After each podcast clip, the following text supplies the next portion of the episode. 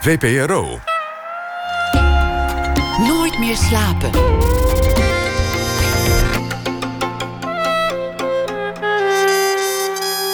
Met Pieter van der Wielen. Goedenacht en welkom bij Nooit meer slapen. Na één uur een verhaal bij de nacht van schrijver Eus. Thomas Kuipers die komt op bezoek. De fotograaf die onderzoekt in zijn tentoonstelling Bad Trip... de angst voor terreur en de terreuraanslag. Te zien in Foam in Amsterdam en op het Unseen Fotofestival dat morgen begint. We gaan het hebben over de film City of Ghosts... over burgerjournalisten die nieuws uit de stad Raqqa bleven brengen. Maar komend uur Pieter Verhoef. Vanavond eh, begon in Utrecht het Nederlands Filmfestival... en daar zal zijn eh, film The Tokyo Trial in première gaan. Maandag is dat. Er komt ook een uh, speciaal gemonteerde editie van op Netflix. Met Marcel Hensema in de rol van uh, jurist Bert Reuling. Die na de Tweede Wereldoorlog 2,5 jaar in Japan verbleef als een van de rechters bij het tribunaal. Dat moest afrekenen met Japanse oorlogsmisdaden. De film is een uh, ingewikkelde samenwerking tussen de Japanse publieke omroep. Tussen Nederlandse, Canadese en Amerikaanse makers. Pieter Verhoef is de regisseur. Hij is zeven jaar met dit project bezig geweest. Geboren in 1938, groeide op in Lemmer, werd bekend van uh, films en documentaires, onder meer Nienke, De Dream, De Droom, De Vuurtoren, van Geluk gesproken, Brief aan de Koning. En hij maakte ook documentaires over Peter van Straten bijvoorbeeld. En ook een over Herman Koch, die ook uh, in première zou gaan op het filmfestival. Over Koch gesproken, hij was ook betrokken bij de start van het illustere trio Jiske Vet. Hartelijk welkom, uh, Pieter Verhoef. Hallo. Laten we, laten we beginnen met, dit, met, met gewoon de film waar, waarop ik je heb uitgenodigd. De, ja. de, de, Tokyo Trial. Ja.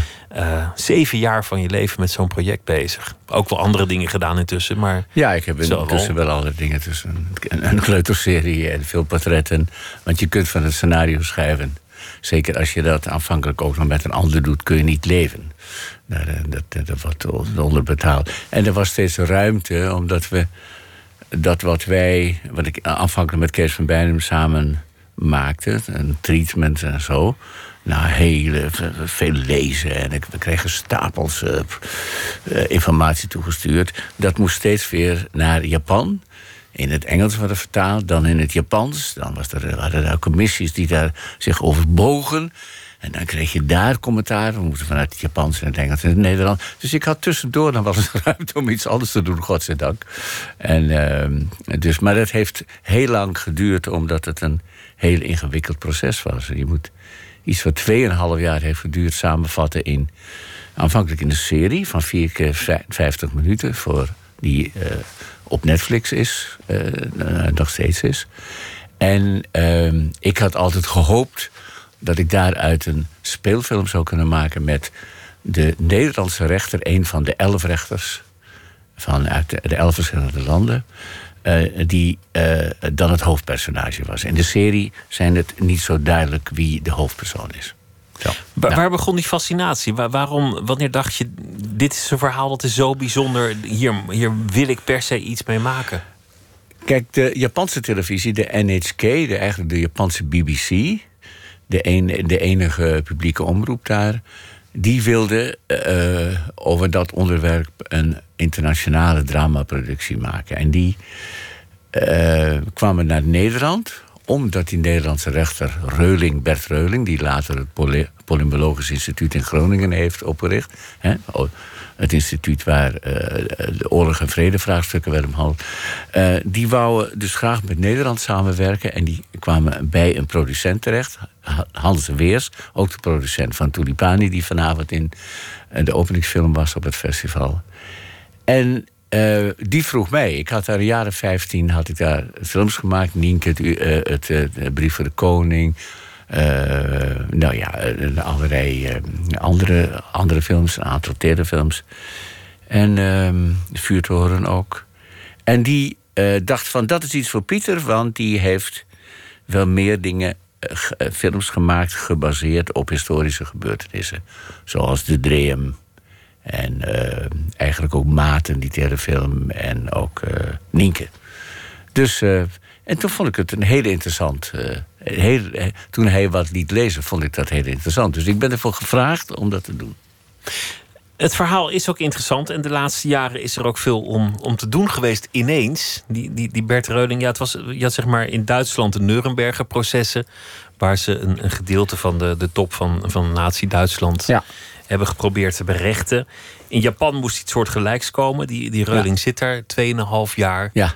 Die heeft netjes zijn dagboeken bijgehouden. Die zijn ook bewaard gebleven. Ja. En, en daar is dan de laatste jaren ineens heel veel over in het nieuws geweest.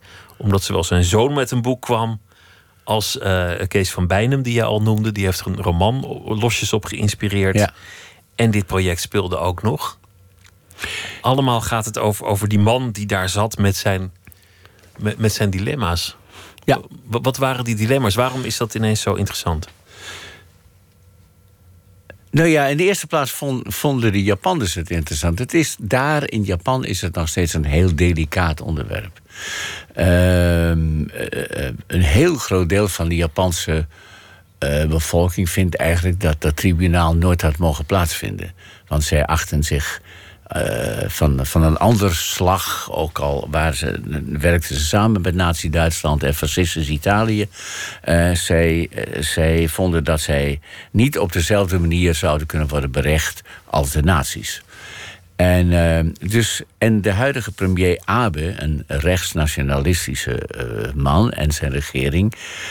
Die, eh, die zijn ook buitengewoon kritisch eh, over, over, over dat tribunaal. Nog steeds. Dat is nog Eh, steeds nog een steeds. gevoelig onderwerp. Ja, ja, ja. En, Omdat wat de kritiek is altijd: het was, het was eigenlijk het recht van de overwinnaar. Ja, maar dat was eh eh Nuremberg, Nuremberg eigenlijk ook. Eh, dus eh, ja, eh, en het was... eh, kijk, eh, het, het, het recht van de overwinnaar, eh, ja, dat eh, was ook zo. Maar men probeerde die aanklacht, misdaden tegen de vrede... die voor het eerst werd in, in, ingevoerd... die eigenlijk aan het einde van de Tweede Wereldoorlog pas werd, echt werd eh, geformuleerd... die probeerde men toe te passen. Een land dat een ander land binnenvalt... zonder dat het zelf is aangevallen, die overschrijdt een belangrijke volkenrechtelijke grens. En eh, nou ja, eh, eh, eh, dat was hier ook het geval. En dus natuurlijk van de over, over, overwinners, maar in Japan was de oorlog begonnen, vonden deze geallieerde landen. En dat vonden ze ook van Nazi-Duitsland en dat vonden ze ook van Japan.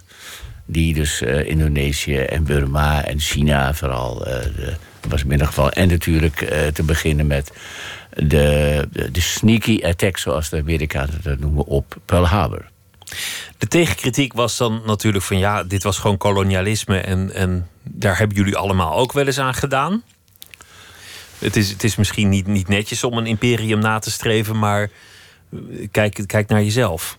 Nou ja, dat is een van de onderwerpen in de film. Eh, eh, eh, er is een scène met Bert Reuling... waardoor hij aan het twijfelen raakt over die aanklacht... misdaden tegen de vrede. Die pas was geformuleerd nadat de, wis, na, nadat de misdaad al was begaan. Dus ex post facto heet dat dan in juridische termen. Dus je kunt een land eh, of iemand niet veroordelen eh, op iets dat in de wet nog niet was geformuleerd. Dus eh, zoiets. En, ehm, en die Paul, die ze kwam daar uit India, die, hè, die, de Indiaanse rechter, en die kwam met hem praten. En die zei van ja, jullie denken wel dat Japan imperialistisch was. Maar kijk eens naar, eh, naar jullie zelf. Eh, eh, jullie, jullie Nederlanders waren overheersten in Indonesië. De Fransen zaten in Indochina. Nou ja, en, ehm, en de Engelsen zaten overal. Die zaten nog in India. En... eh, de, de oorlog is nog niet afgelopen of jullie sturen alweer troepen om jullie macht te, te, te, te, eh, eh, eh, consolideren. En dus, eh, wat verwijten jullie Japan eigenlijk? Jullie zijn eh, eh, echt hetzelfde. Dus jullie hebben, eigenlijk niet het recht om dit land eh, s- zo, zo te veroordelen.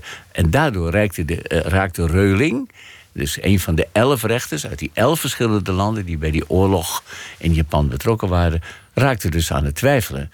En ook over die aanklacht. En eh, ja, Nou goed. Dat is een van de interessante uh, verhaallijnen. De andere is natuurlijk de man zelf, 2,5 jaar lang van huis. Hm. Uh, wordt verliefd, krijgt een affaire.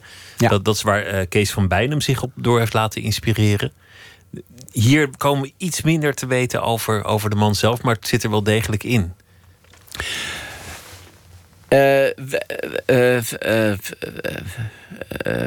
Aanvankelijk gingen de Japanners uh, leek het akkoord met onze aanpak om Reuling ook in de serie die zou worden gemaakt het hoofdpersonage te, laten zijn.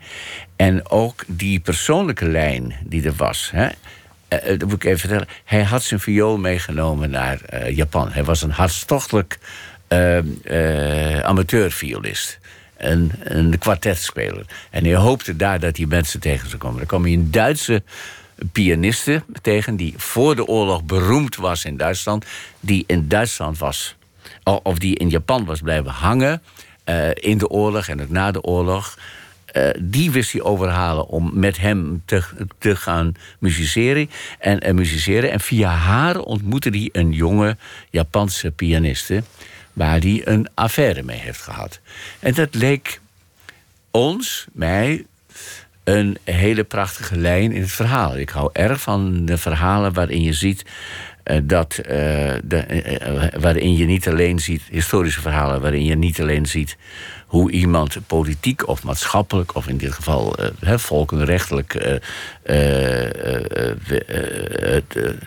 interessante beslissingen moet nemen en voor interessante dilemma's komt te staan.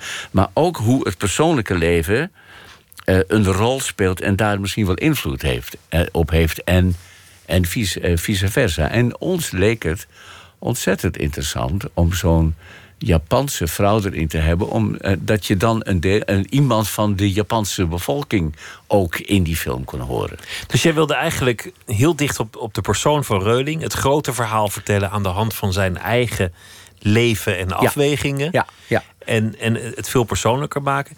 Dit was een meningsverschil met, met, met de Japanse manier van maken. Want die, die wilde eigenlijk gewoon het wat.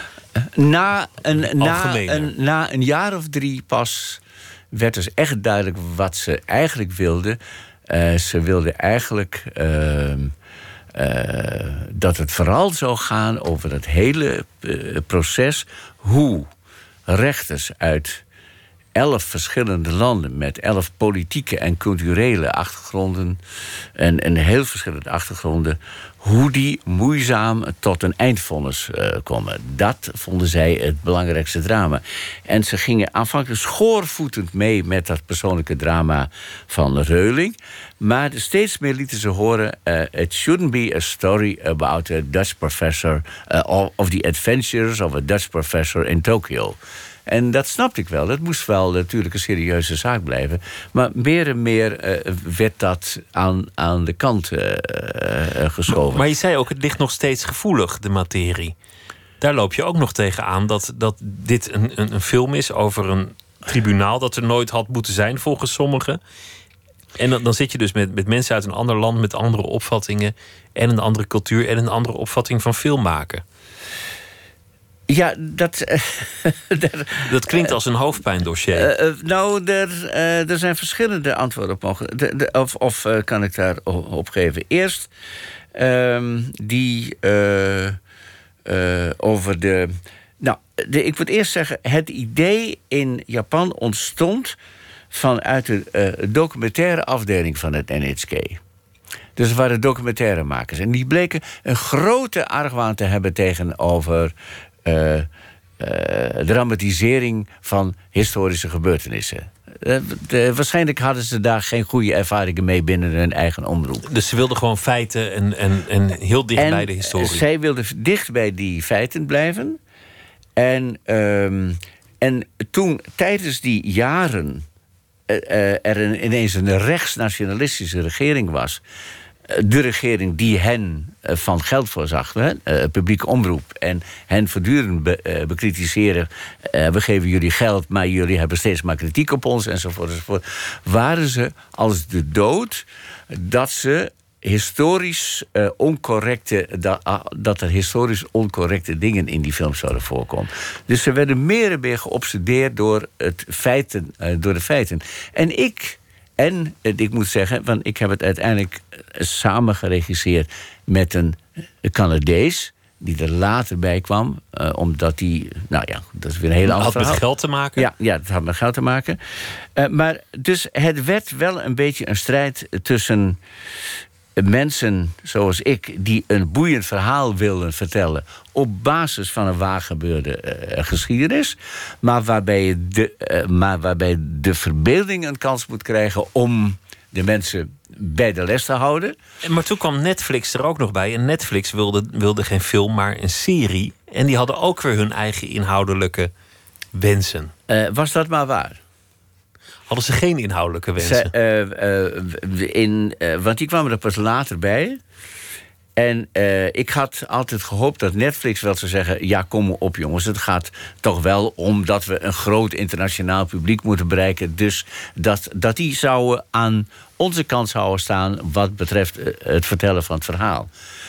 Maar ze zeiden van nee, luister nou maar naar die Japanners... Uh, uh, want uh, dat is de opdrachtgever, die hebben het beste geld in, erin gestoken. Maar wat bleek het geval?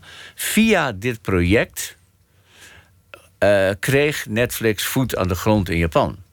Dus ze waren eigenlijk helemaal niet zo geïnteresseerd echt in dit project. Maar, omdat, om, maar ze konden via dit project een afzetmarkt krijgen in Japan, die er nog niet was.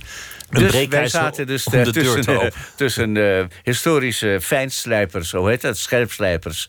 En, en, en ja, zoals het vroeger heette, het internationale grootkapitaal, zou ik zeggen. Maar, en dan ook nog cultuurverschillen. Een hele andere manier van discussiëren in Nederland, Amerika, Canada, ja. Japan. Mm -hmm. en, en, en, ik geloof dat er ook nog een enkele Brit rondzwerft. Dus, dus daar zit je ook nog mee. Uren vergaderen. Is er dan een moment dat je dacht...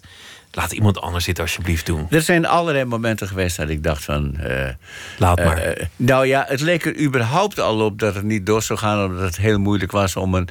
Uh, Japan en Nederland, maar dat, dat, was niet, dat bracht niet genoeg geld op. Dus Hans Weers, een Nederlandse producent...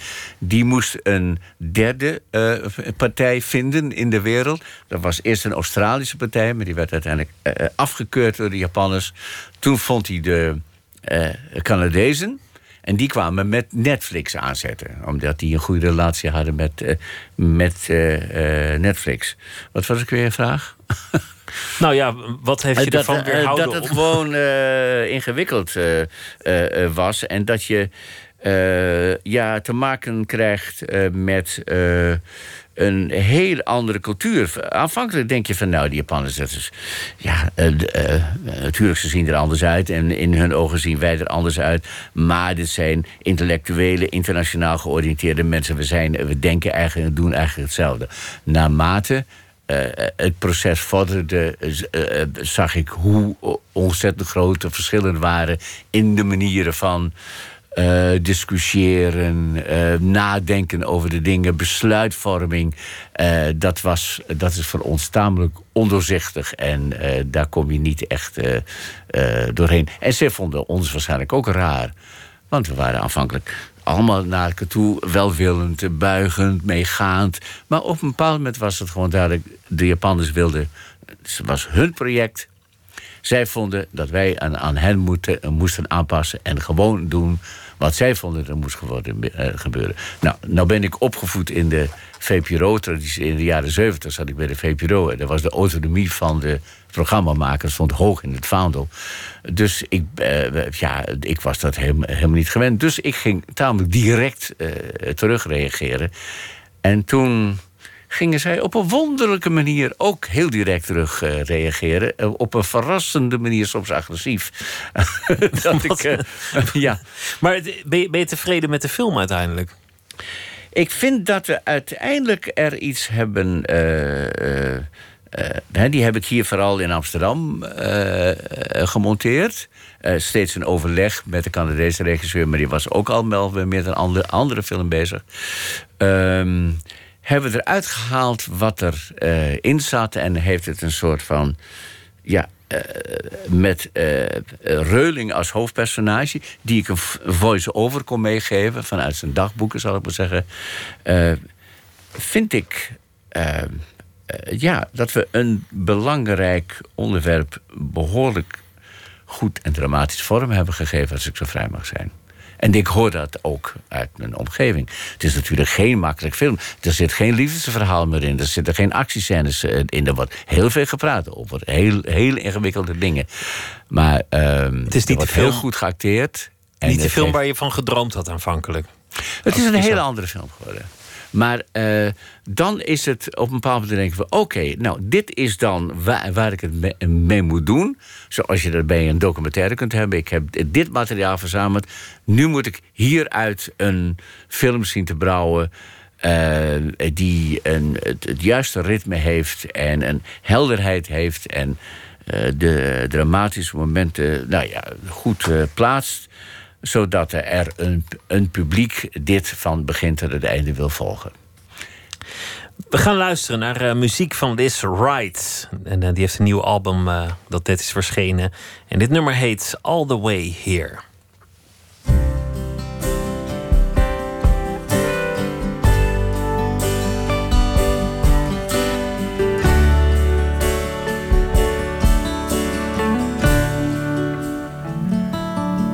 I got something that needs saying coming over me.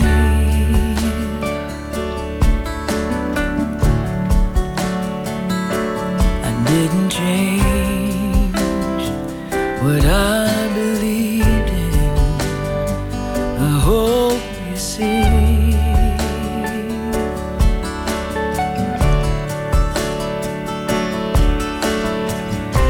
I got your hands, your dedication to staying true.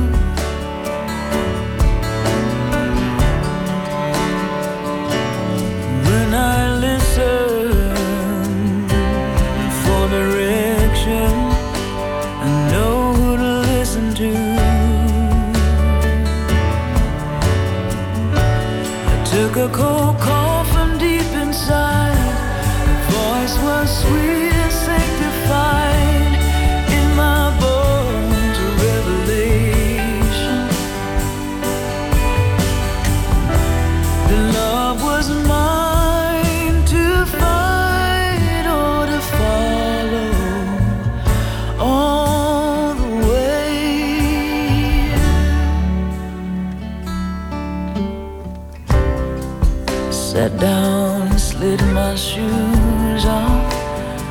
like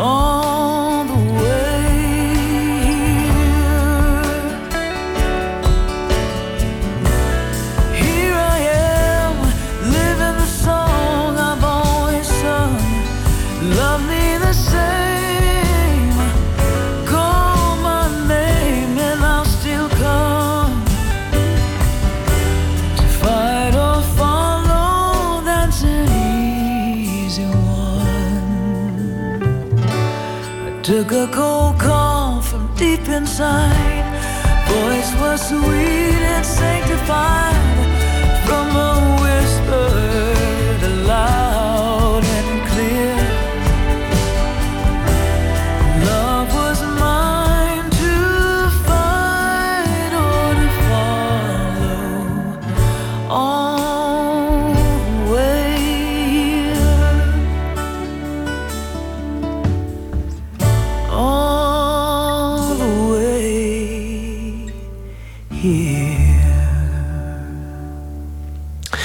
Van haar uh, nieuwe album All the Way Here Nooit meer slapen. In gesprek met Pieter Verhoef. Naar aanleiding van de film Tokyo Trial. Die uh, in première zou gaan op het filmfestival. De making of verheug ik me ook al op. Want het was een uh, ingewikkelde productie met... meerdere partijen uit meerdere landen die allemaal een totaal andere visie op de film hadden. En het, het, werd, het werd nog wel eens ruzie achter de schermen over de te varen koers. Ik, ik, vroeg je waarom ben je er niet gewoon uitgestapt? Uh, nou, ik heb het een paar keer overwogen. In eerste plaats omdat ik dacht van dat het geld niet bij elkaar zou komen. En over die tamelijk fundamentele conflicten over uh, over de ene partij die wilde dat we dicht bij de historische feiten bleven, waar ik op zich niks tegen heb. En aan de andere kant mensen die een boeiend verhaal wilden vertellen, uh, zonder die feiten helemaal aan de kant te schuiven. Maar als ik er was uitgestapt, dan, dan, dan was het project helemaal niet doorgegaan. Dan was het Nederlands Filmfonds had zich teruggetrokken. Dus je was ook loyaal aan alle andere mensen? Ik wou die... loyaal zijn. En, en, en, op een bepaald moment besloot ik ook van... oké, dit, is, dit is een avontuur. En van een avontuur weet je nooit hoe het afloopt. En ik ga er aantekeningen van maken. Dus ik ben letterlijk dagboeken gaan schrijven, dagboekjes gaan schrijven over um, met alle details van wat er is gebeurd. En waarvan ik dacht van dat zou wel eens interessant zijn om daar later nog eens een film over te maken over het het maak, eh, over, over, over, over het maakproces. Hoe ingewikkeld uh, uh, internationale co-producties is met mensen uit heel, heel verschillende culturen.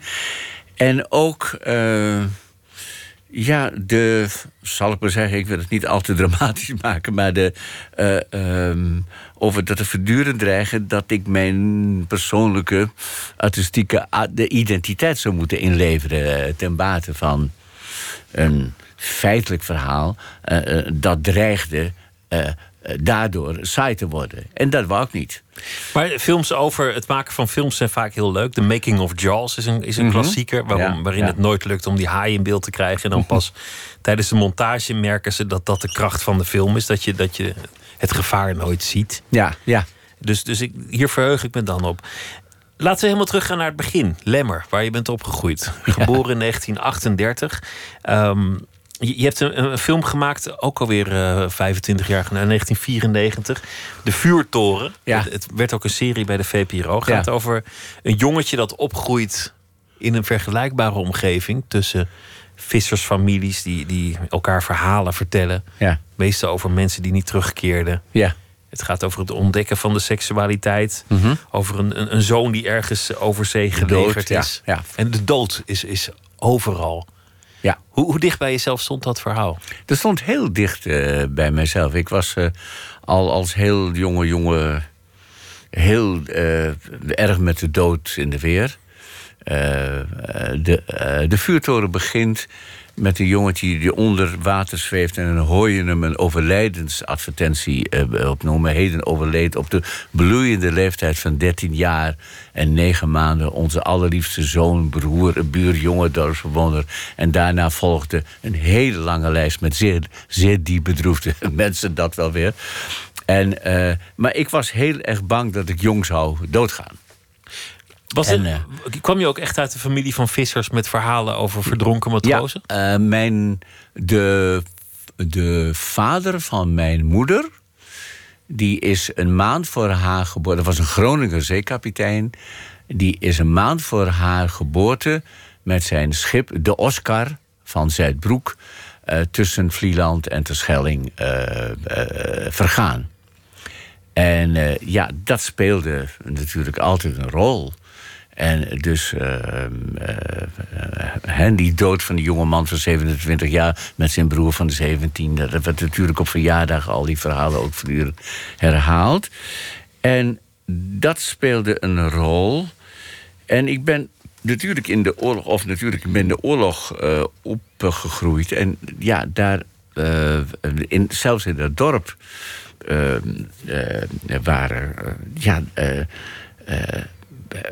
uh, Uh, daar speelde de dood ook voortdurend een rol. Uh, mijn vader zat op de reddingboot en haalde lijken van eh, Engelse piloten binnen. En dan zag ik weer een platte kar met waar de lazen onder een stuk zeildoek uitstaken.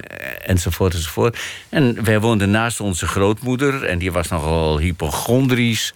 En dus ja, dood en ziekte. En ook in de straat, in mijn straatje bijvoorbeeld. Kleine straatje, daar gingen tussen mijn tussen mijn negende en mijn veertiende zeven jonge mensen dood. En dan, dus dan tussen de middag, dan Ehm, eh, eh, was er altijd de begrafenis en dan hoorde je klok luiden. En daar stonden jongelingen in zwarte pakken met hoge hoeden op... die die grote baard droegen en huilende mensen met walens voor hun eh, gezicht. Mijn ouders liepen erachter en ik stond het achter het raam allemaal te bekijken. Een, een meisje van 17, een meisje van 16, een baby... Een, een, een vriendinnetje van mijn zuster... wat voor de deur door een groentewagen werd doodgereden. Dus het was alom. De, dood, de dood was nooit ver weg. In die film wordt het ook heel mooi weergegeven door, door ratten. Die, die, die dan uh, steeds verjaagd Bijna een metafoor voor... Uh, ja, dat zijn toch de, de, de boodschappers van de dood. Of hoe, ja. hoe noem je het? Ja, ja, ja. Hoe, wat deed je om de dood weg te houden als kind? Werd je bijgelovig? Had je rituelen? had ik... Uh, had ik rituelen om dat weg te trekken. Het was wat ik zat dan uh, ik was er soms dan zo door. Uh, Kijk, er waren drie uh, dingen. Dat was de dood en ik stotterde. En ja, dat was. Dus de ene moment dacht ik van. ik ga nu gauw dood, ik krijg een ernstige ziekte. En het andere moment dacht ik van. ik kan helemaal niet praten, want ik, ik stotterde. Er waren allerlei hindernissen die heel erg lastig kan zijn. als je een jaar of 13, 14 bent. Ehm maar een van die uh, dingen die ik me herinner, dan zat mijn vader naar de radio te luisteren. En er was een afro-programma dat heette van In het Spionnetje van Johan Luger. Een soort speelse column. En dan zat ik te luisteren en ik dacht, als hij nou direct het woord straat noemt, of hond of huis, dan ga ik dood. Maar dat wachtte ik dus niet af en rende het huis uit... omdat ik bang was om dat woord te horen. Want dan zou ik doodgegaan. En zou, zou ik dus doodgaan. Dat soort eigenaardige Dus uh, dat maakt het ook wel een betoverde wereld. Eigenlijk. Uh, uh, ja, hoe je dat maar wilt noemen. maar in ieder geval hield me dat ontzettend bezig. En ik, ja, ik was natuurlijk in een protestant-christelijk milieu opgevoed... met veel bijbelverhalen. En dan was er een... een een, een, koning Jonathan die ook dacht dat hij doodging. En die, en, en die bad tot de Heere God dat hij nog 15 jaar mocht leven. En dan bad ik dat, mag ik nog, alsjeblieft, mag ik nog 15 jaar leven. En dan ben ik 8, heb ik in ieder geval ben ik 28. En dat, maar dat heeft, eigenlijk heeft het, uh, die, die vrees om jong dood te gaan, heeft, dat nam wel wat af. Maar dat heeft eigenlijk tot mijn 40ste verjaardag, een bijbels getal, 40 toen mijn vader op die dag, op mijn 40 verjaardag, stierf... toen was het net alsof ik... Uh, en nu begint het leven.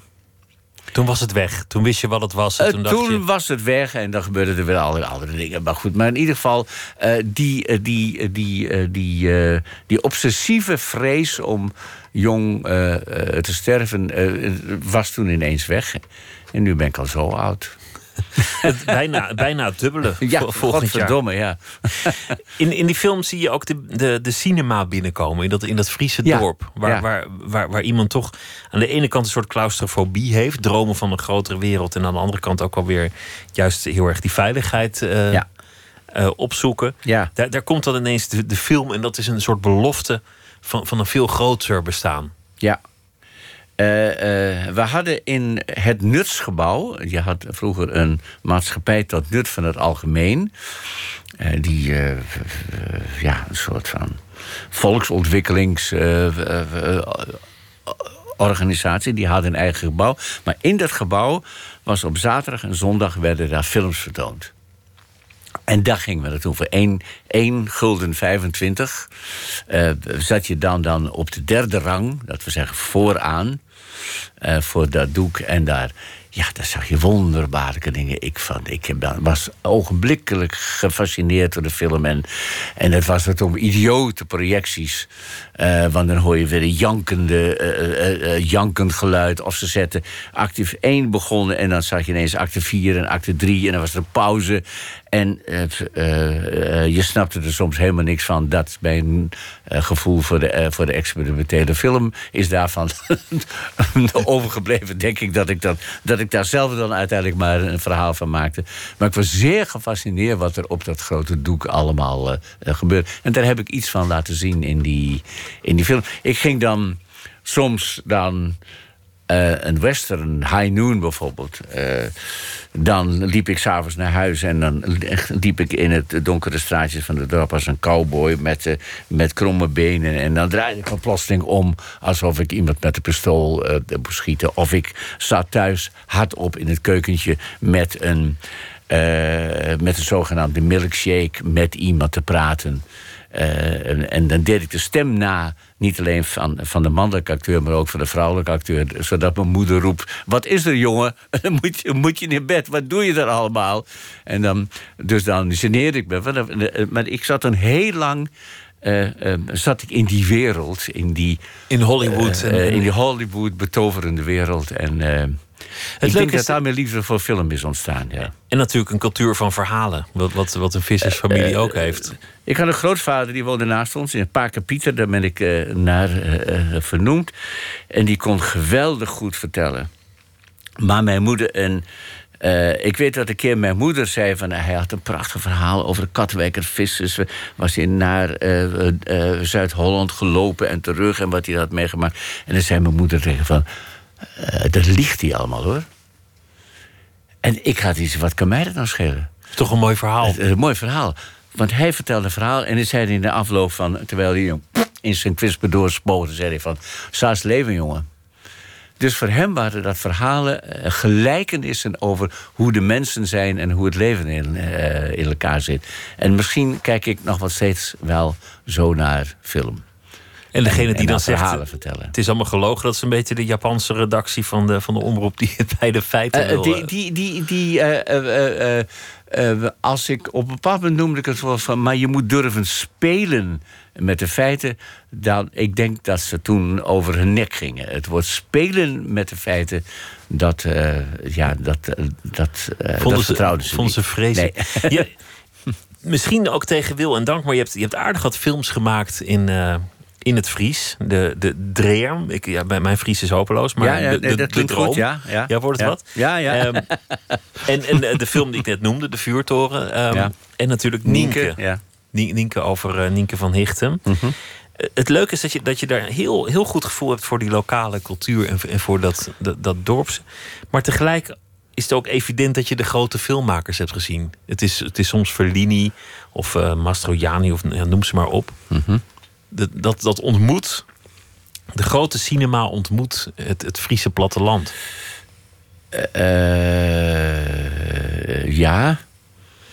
Eh, Of maak ik je nou bescheiden? Eh, eh, eh, eh, eh, dat maak je me überhaupt als ik aan, aan, aan de grote filmmakers denk. Maar ik heb natuurlijk heel veel films eh, eh, gezien.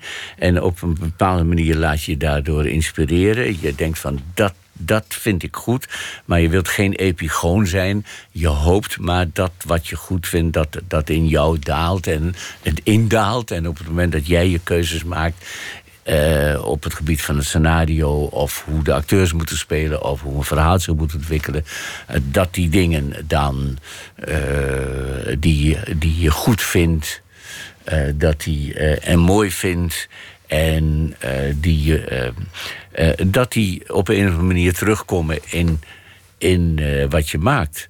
En, maar ik ben nooit bang geweest om zeg maar provinciale dingen te maken. Ik heb altijd geloofd, en ik geloof dat Hermans, dus om nou maar eens iemand eh, te citeren, van, maar misschien was hij dat helemaal niet, maar in ieder geval, hoe, hoe provincialer, hoe universeler. Dus eh, je moet niet een soort uh, dingen van... ik moet de uh, wereld met mijn films bereiken... dus ik ga een soort van... ik gooi alles in een soort snelkookpan... Uh, allerlei in, in, in, internationale ingrediënten... en dan, en, dan snappen ze dat wel in het buitenland. Daar geloof ik niks van. Ehm, de, als jij, als jij je concentreert op de details die je kent die je van huis uit kent, die je vanuit je leven kent.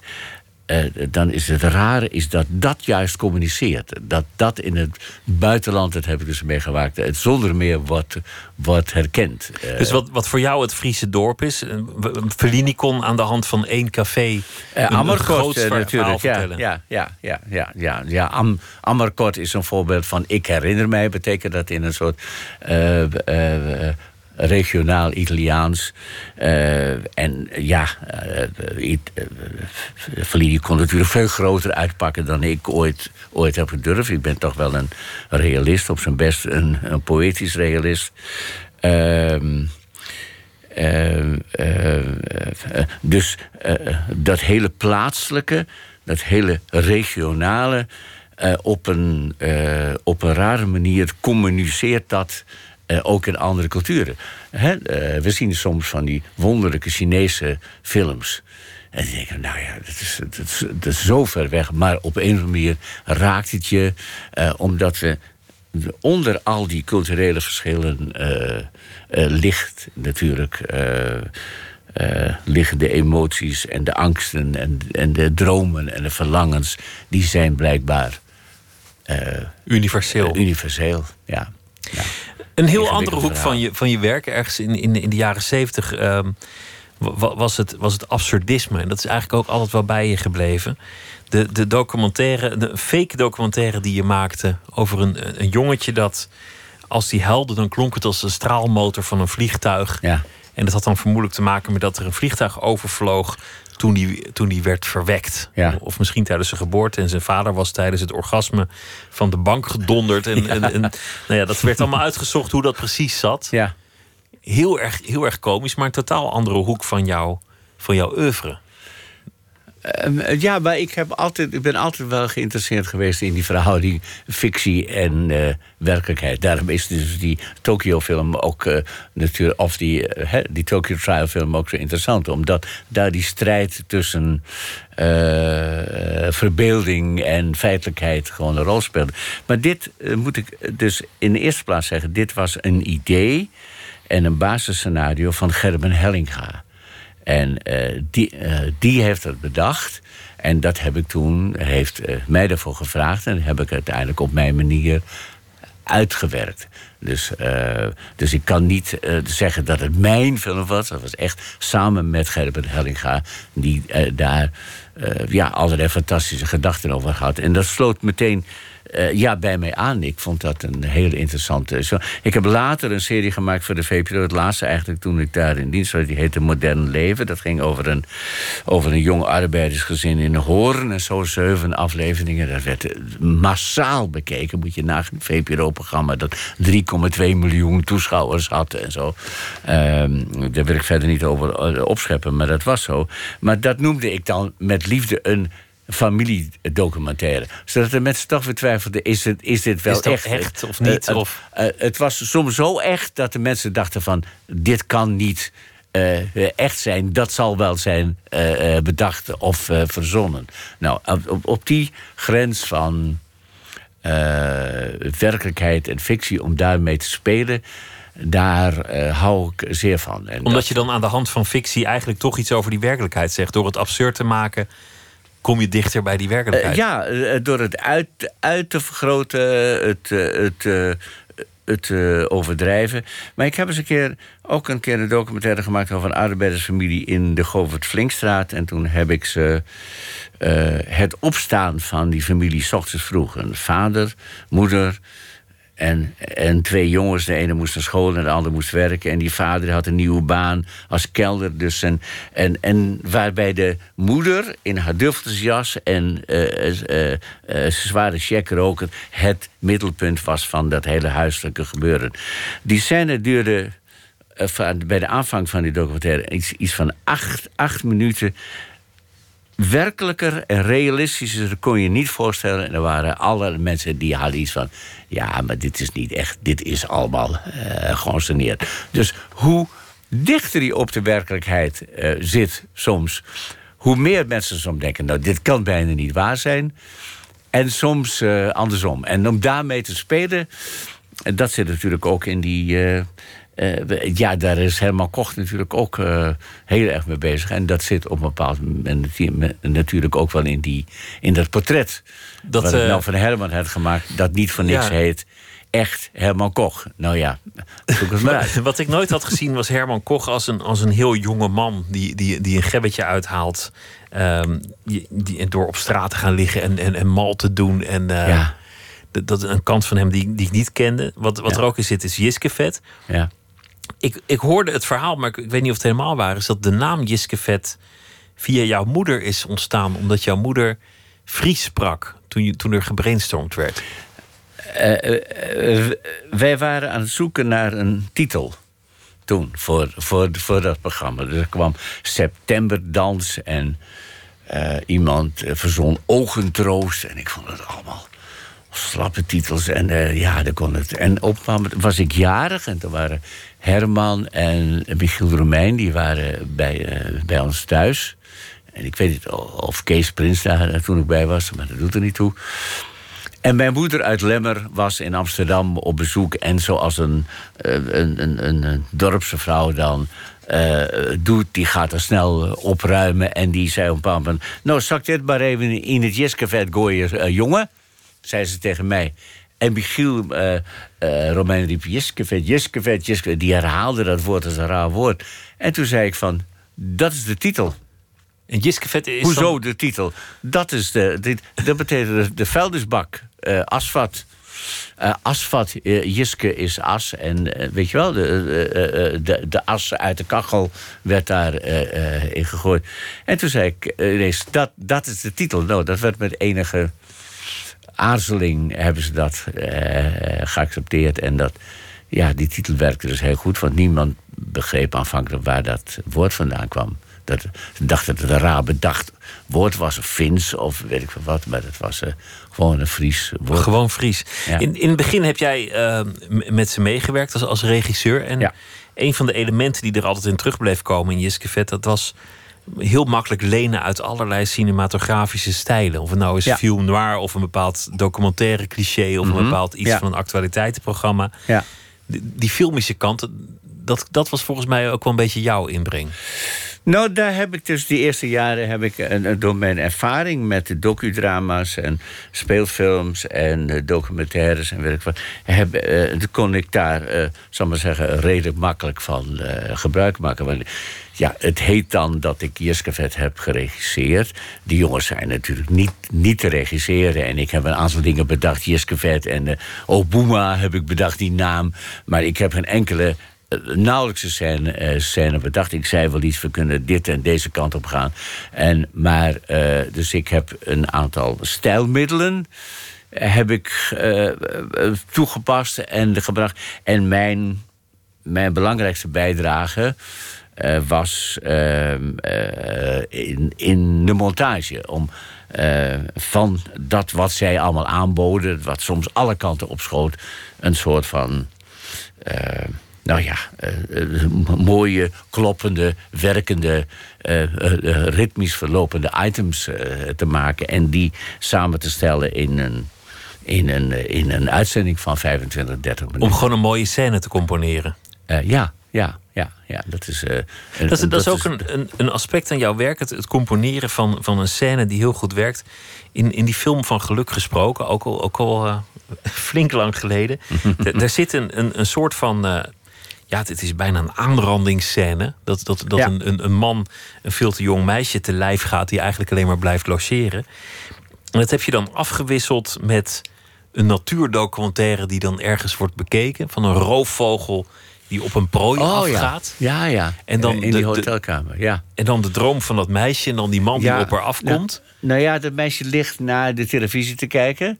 En dat gaat ineens over in, in, een, in een droom. En dan, ja, ja, dat gaat ineens uh, over in een droom... waar ze wordt achtervolgd door apen en weet ik wat alles. En dan roept ze om haar moeder die ze kwijt is. En dan gaat, ja, ja die scène, ja. Mhm. Maar dat is volgens mij een van de dingen die jij het allerleukst vindt... is, is het plezier van het bedenken van zo'n scène. De, de roofvogel, het bange dier, het meisje de belager. En dan dat zo te componeren dat, dat, dat, het, dat het helemaal vloeiend in elkaar overloopt en werkt. Ja, eh, ik werk veel met muzikale, ook, ook visueel, maar met muzikale uh, principes. dat is ook dat wat Tokyo Trial, dat is heel verbaal. Maar die scènes hoop ik dat ze een soort uh, muzikaal ritme hebben. Daar gaat het in film om. Het gaat over de, uh, zoals Tarkovsky dat noemt, uh, de verzegelde tijd. het wordt niet eens, een scène wordt niet eens bepaald door hoe je precies snijdt, maar wat er in zo'n scène, wat de, dat de, wat de acteurs en wat ze doen uh, dat dat een harteklop oplevert aan de hand waarvan je echt kunt gaan monteren. Nou, eh, misschien een beetje ingewikkeld. Ik sla van de schrik tegen de microfoon. maar, ehm, maar daar heb ik groot plezier in, ja. Dat is, het zijn muzikale plezier. De film is voor mij, gaat erg over muziek. Ja, uh, Want je bent ook een groot muziekliefhebber. Ja. Als, als, je, als het anders was gelopen, was je misschien daar iets mee gaan doen. ik wilde vroeger altijd dirigent worden, ja. ja, ja. Ja, en ik luister nog heel veel heel veel naar muziek in.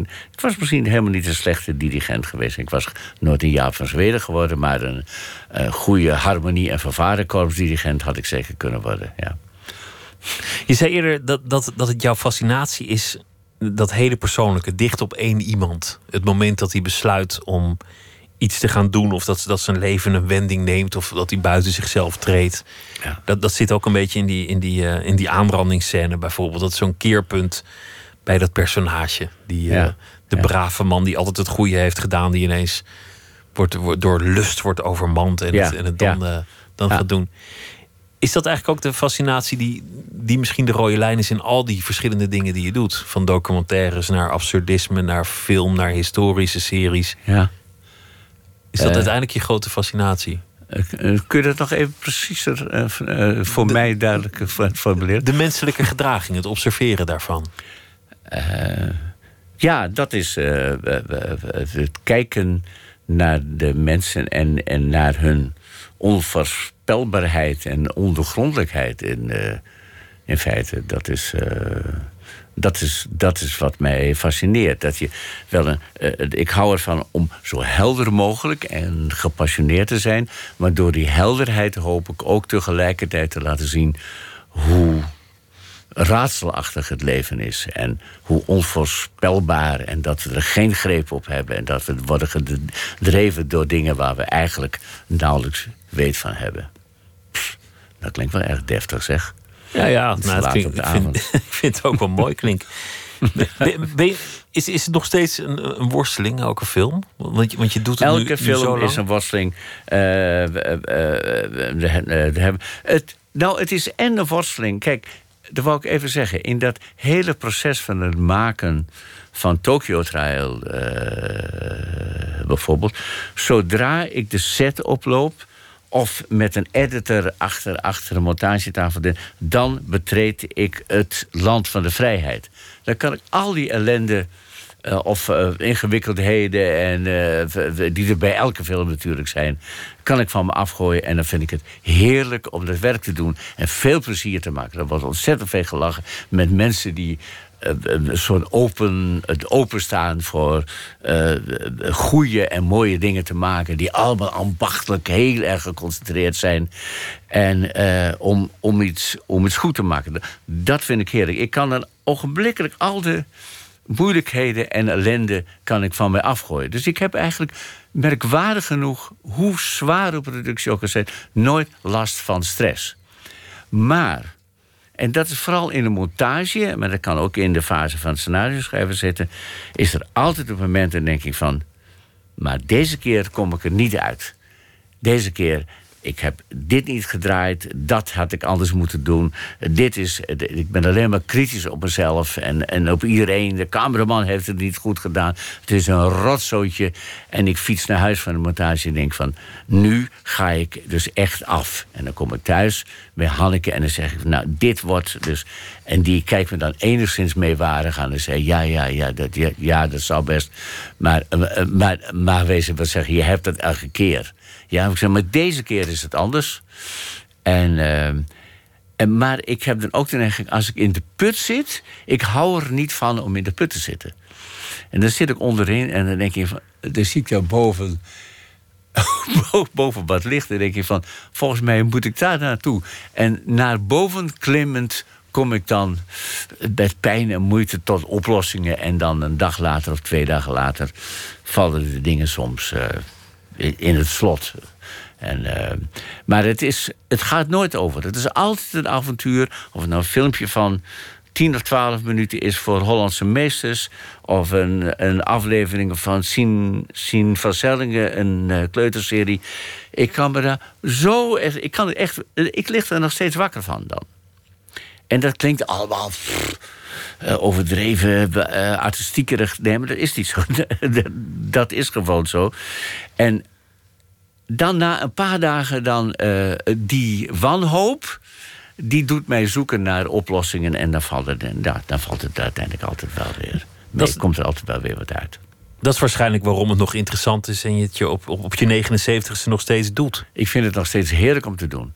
Dus die, dat met andere mensen, met een cameraman, of met een grote ploeg, of met een kleine ploeg, uh, die dingen maken. We hebben als het grootste, grootste plezier en we komen tot allerlei vondsten en dingen. En die andere kant, het is ook een soort van bergbeklimmen, wat je heerlijk vindt. Maar halverwege je van Jezus Christus, maar dit is gevaarlijk. Dus ik kijk beneden, ik kom maar één stap fout doen of ik sodemieter naar beneden. Dus die zin voor avontuur, die zal er altijd. Dus als het allemaal makkelijk zou gaan, dan zou ik er lang zijn opgehouden. Dus uh, ik hou blijkbaar van dat lichtelijk masochistische uh, gedoe. Fuck. In combinatie met avontuur. Ja. Nou. Het is uh, te zien vanaf uh, volgende week. De film Tokyo Trial komt ook op Netflix. Is, een, is niet een. Uh, ja, die is al op Netflix. Is al op Netflix, maar. Ja, en die houdt niet dus film. na een jaar zo'n beetje. Dat houdt hij op. En dus die film komt eind van dit jaar of begin volgend jaar in een aantal bioscopen. Dankjewel, Pieter Verhoef. En uh, heel veel succes met alle volgende projecten. Dankjewel. Dankjewel, graag. Zometeen uh, gaan we verder met uh, Nooit meer slapen. En we zitten op Twitter, het VPRO NMS. En we zitten ook op Facebook en op Instagram en op alle sociale media die de mensheid te bieden heeft. En u kunt zich ook abonneren op de podcast via de VPRO. vpro.nl slash nooit meer slapen.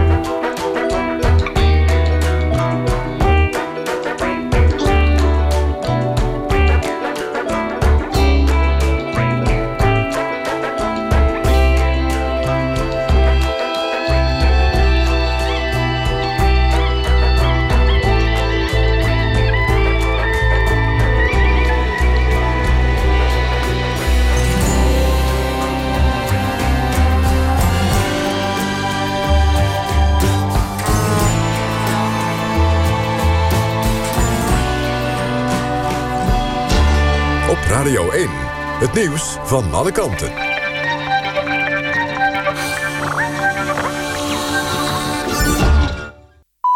1 uur, Lot Lewin met het NOS Journaal.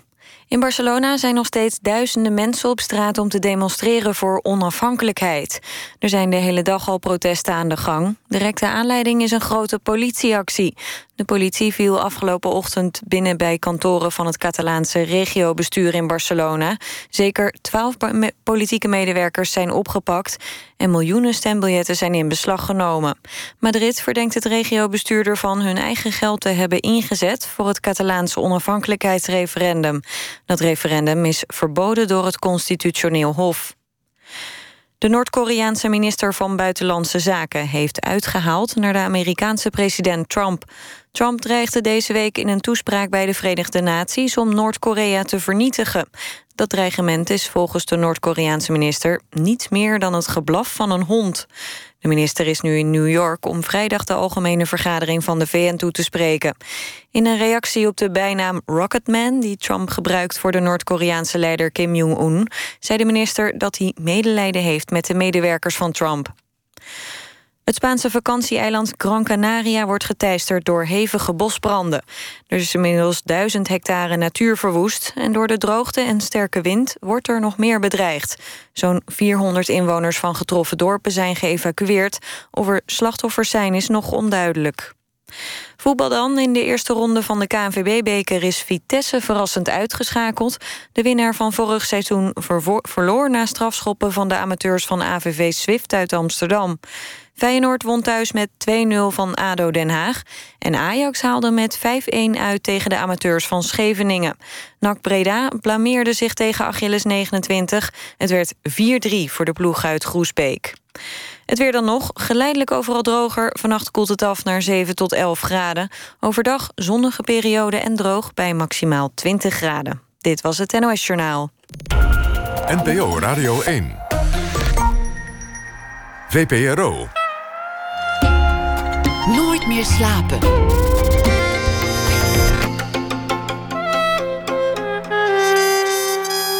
Met Pieter van der Wielen. Raqqa is being slaughtered silently. Een eh, groep burgerjournalisten die erin is geslaagd nieuws uit de Syrische stad Raqqa naar buiten te smokkelen. Is een film over gemaakt, City of Ghosts, door uh, Matthew Heineman. Zometeen praten we over die film en uh, over de burgerjournalisten die inmiddels ondergedoken zitten in Europa. Thomas Kuipers komt op bezoek. Hij heeft een project over terrorisme en de angst voor terreur. En die is te zien in Foam in Amsterdam en ook op het festival Unseen dat komend week plaatsvindt. Eus die heeft een verhaal bij de voorbije dag.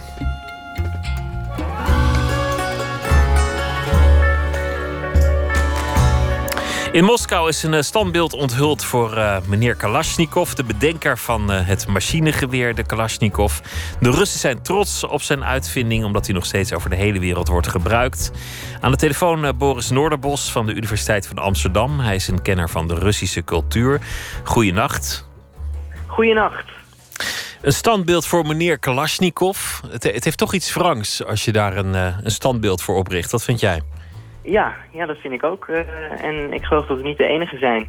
Er zijn toch veel mensen die, uh, ja, die het, uh, het cynisme daarvan, daarvan opmerken.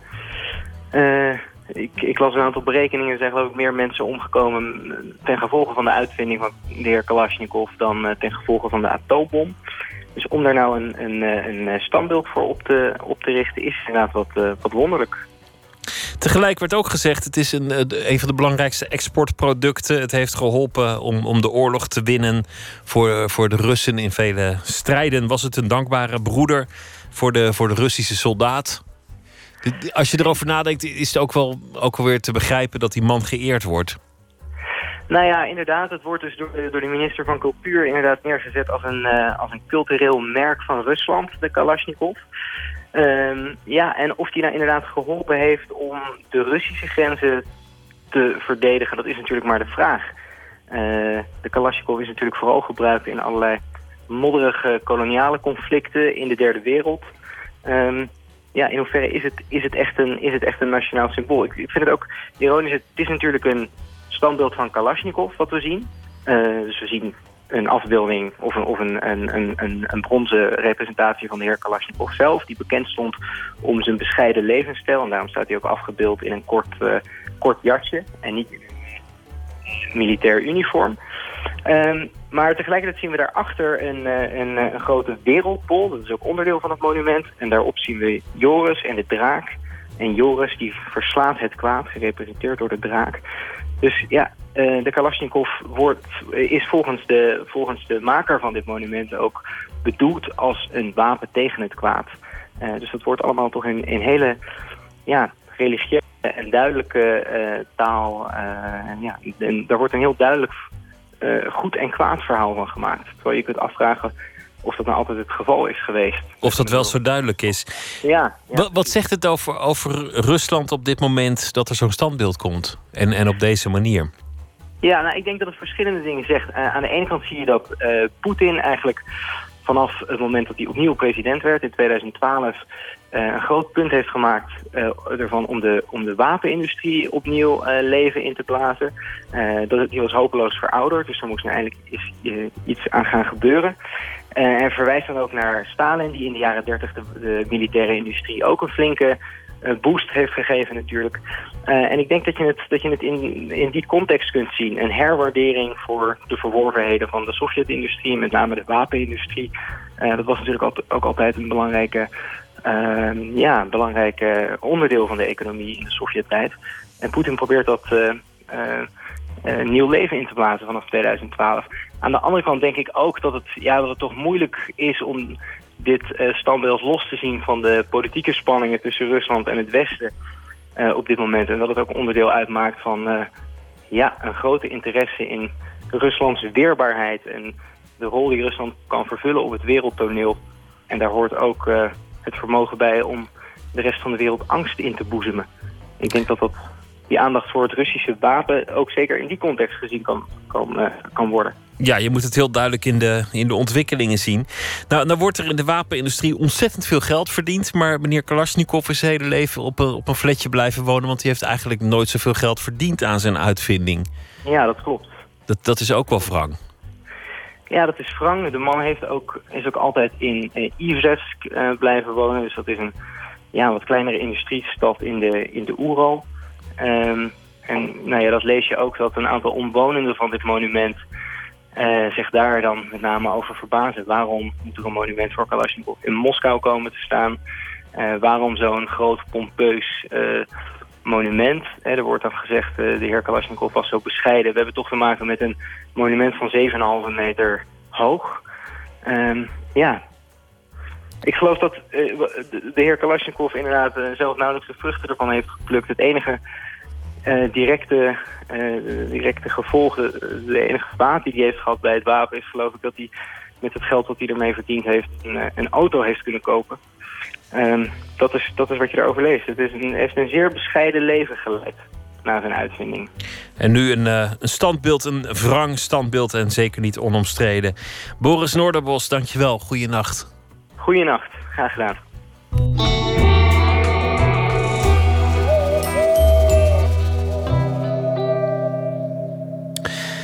De Canadese zangeres Ladan Hussein opereert onder de naam Cold Specs. Ze woont in Londen en in oktober treedt ze op in Amsterdam. En dit liedje heet New Moon.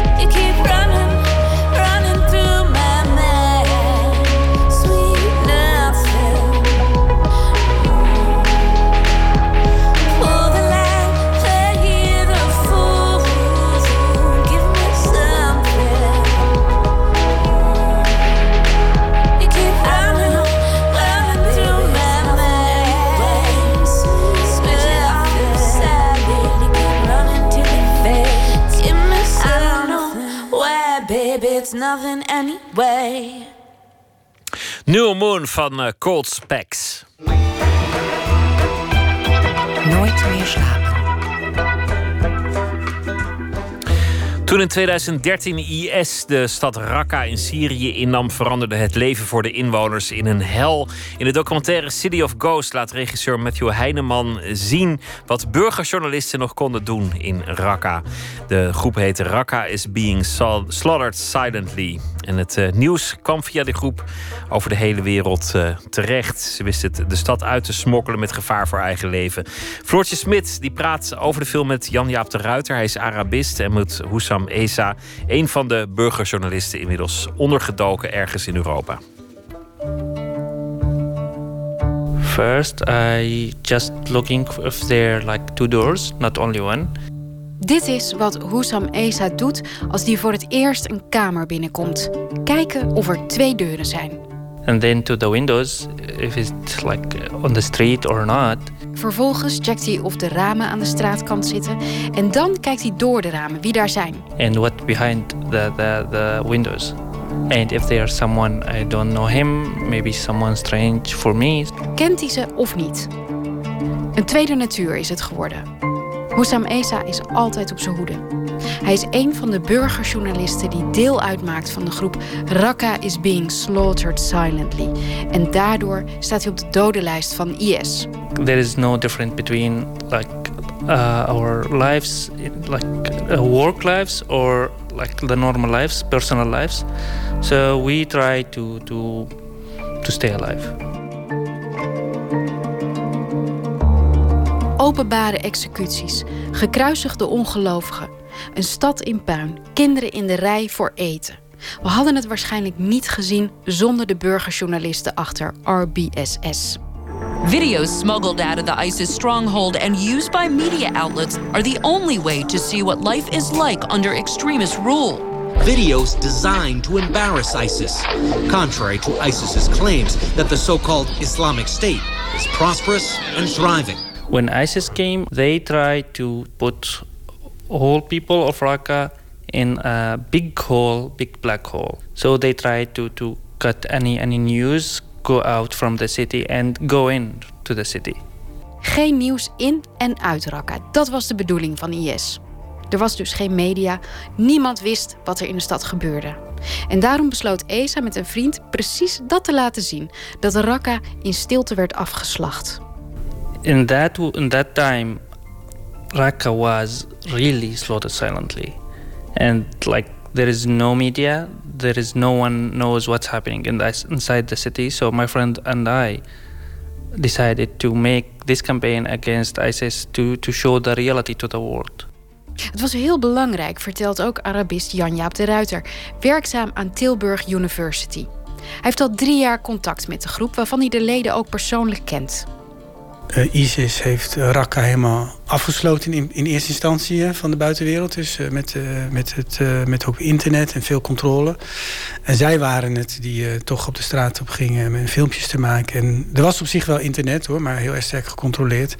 En dus ze vertellen nooit precies hoe ze dat gedaan hebben. Maar ze waren in staat om allemaal kanalen te vinden om al die beelden naar buiten te brengen.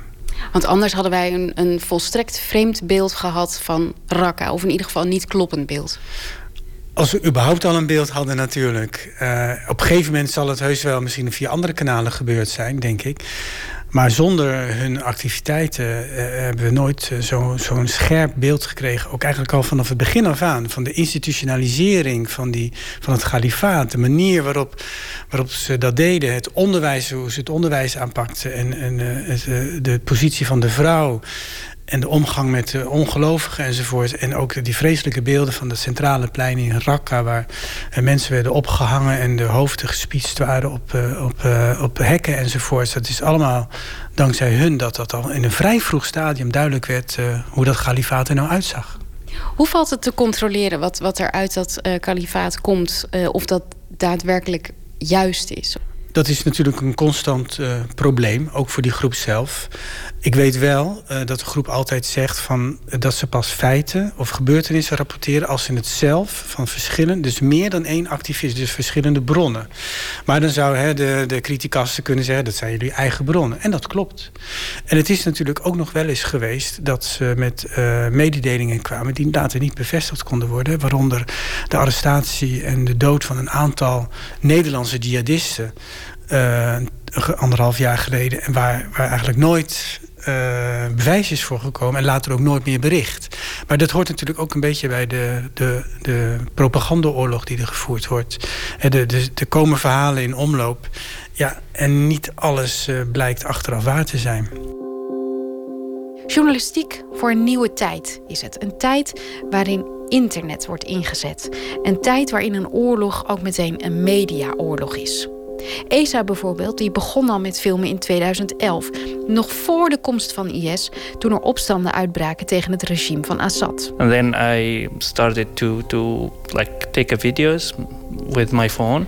Then like some security person asked me to to to see my phone and then I just run away and he uh, he came after me and then like around two kilometers. Hij rende weg toen een beveiliger hem vroeg om zijn telefoon te zien. Twee kilometer lang werd hij achtervolgd. Zo belangrijk is beeld, realiseerde hij zich toen. En daarom bleef hij ook filmen onder IS. We thought that ISIS is an idea and no one can like defeat the idea with weapons. We need to, to defeat them with the same ways like with social media, with cameras, with with articles and everything.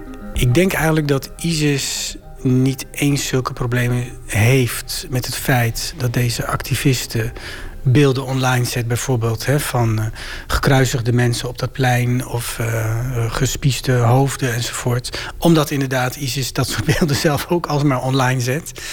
Ik denk dat de grote ergernis, als ik zo mag zeggen, van ISIS ligt bij het feit dat dat uh, deze activistengroep de gedachte achter ISIS wil bestrijden.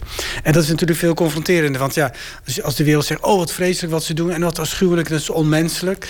Uh, dat, ja, daar worden ze niet koud of warm van. Maar als je gaat zeggen, als je de gedachte gaat deconstrueren, zeg maar, die gedachte, de manier waarop jullie denken islam vorm te geven, dat klopt niet, want en dan komt er een heel verhaal. Dat is natuurlijk veel bedreigender. Dus vandaar dat, uh, dat ze hoog op de hitlist staan, zou ik maar zeggen, van ISIS. De documentaire City of Ghosts laat zien hoe dat werkt. Iemand stuurt bijvoorbeeld via sociale media een foto van je voordeur.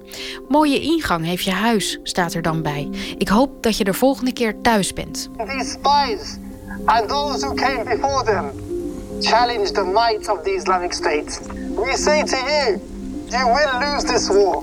Mensen die ze kennen, collega's, familie, worden geëxecuteerd in bekende IS-executievideo's. And remember you as the fools who thought they could fight the Islamic State. Allahu Akbar!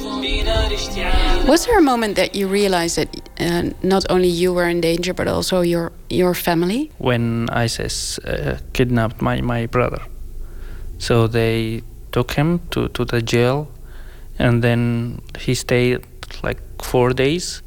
And every moment I thought I should go there and uh, tell them, okay, I'm Hussam, please arrest me, but release my, father, my brother.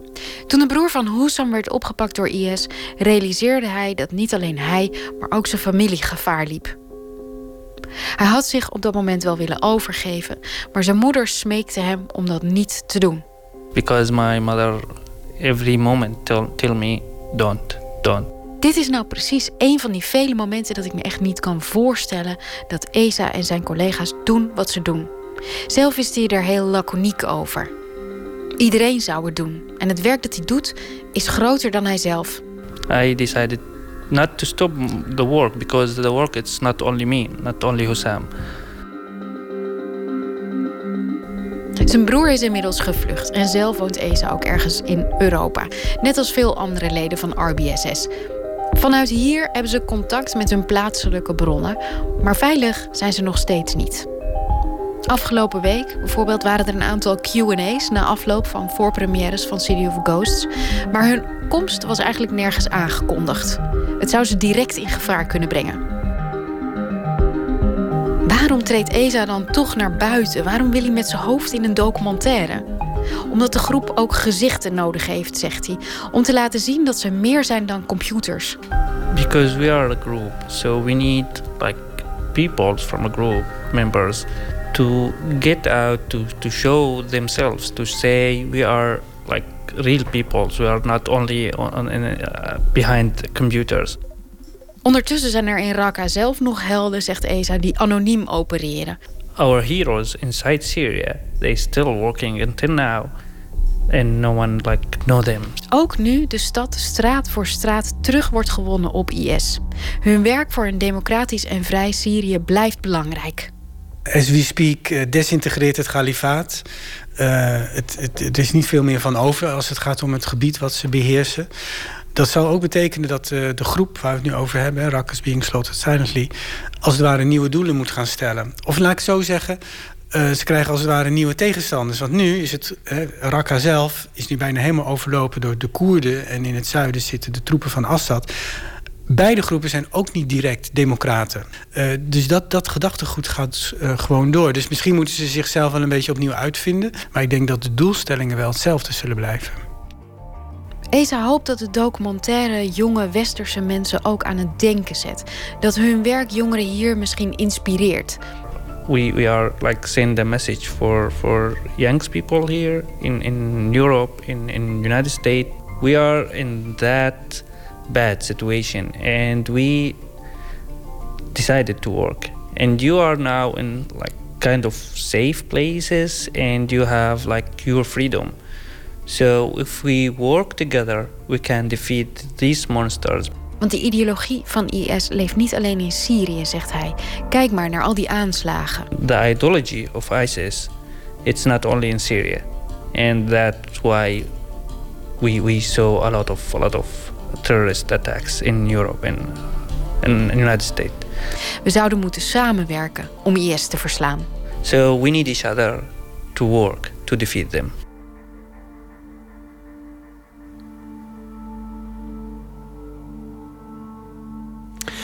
Hussam Esa, een van de mensen achter collectief Raqqa is being slaughtered silently. En uh, u hoorde ook Arabist Jan-Jaap de Ruiter. De documentaire City of Ghosts is vanaf morgen te zien in de theaters, in de bioscoop. De Amerikaanse zanger MC Taylor begon zo'n tien jaar geleden met uh, de band His Golden Messenger. Eind augustus uh, zijn er twee nieuwe nummers verschenen, waarvan één deze is When the Wall Comes Down. What you gonna do when the wall comes down? When the wall comes down, what you gotta do is let it lie, let it lie, and in the gathering darkness find to never go back. It was built by man, and you can tear it down, tear it down tear it down. Or step back, Jack, from the darkness. What you gonna do when the shackles fall? When the shackles fall, what you gotta do is melt them down, melt them down. Why turn them into tools and make a call on the prison ranks? Turn your chains to roses, child. But tear it down, tear it down. Or step back, Jack from the darkness. Well, I'm here. I'm gonna sing just like a songbird.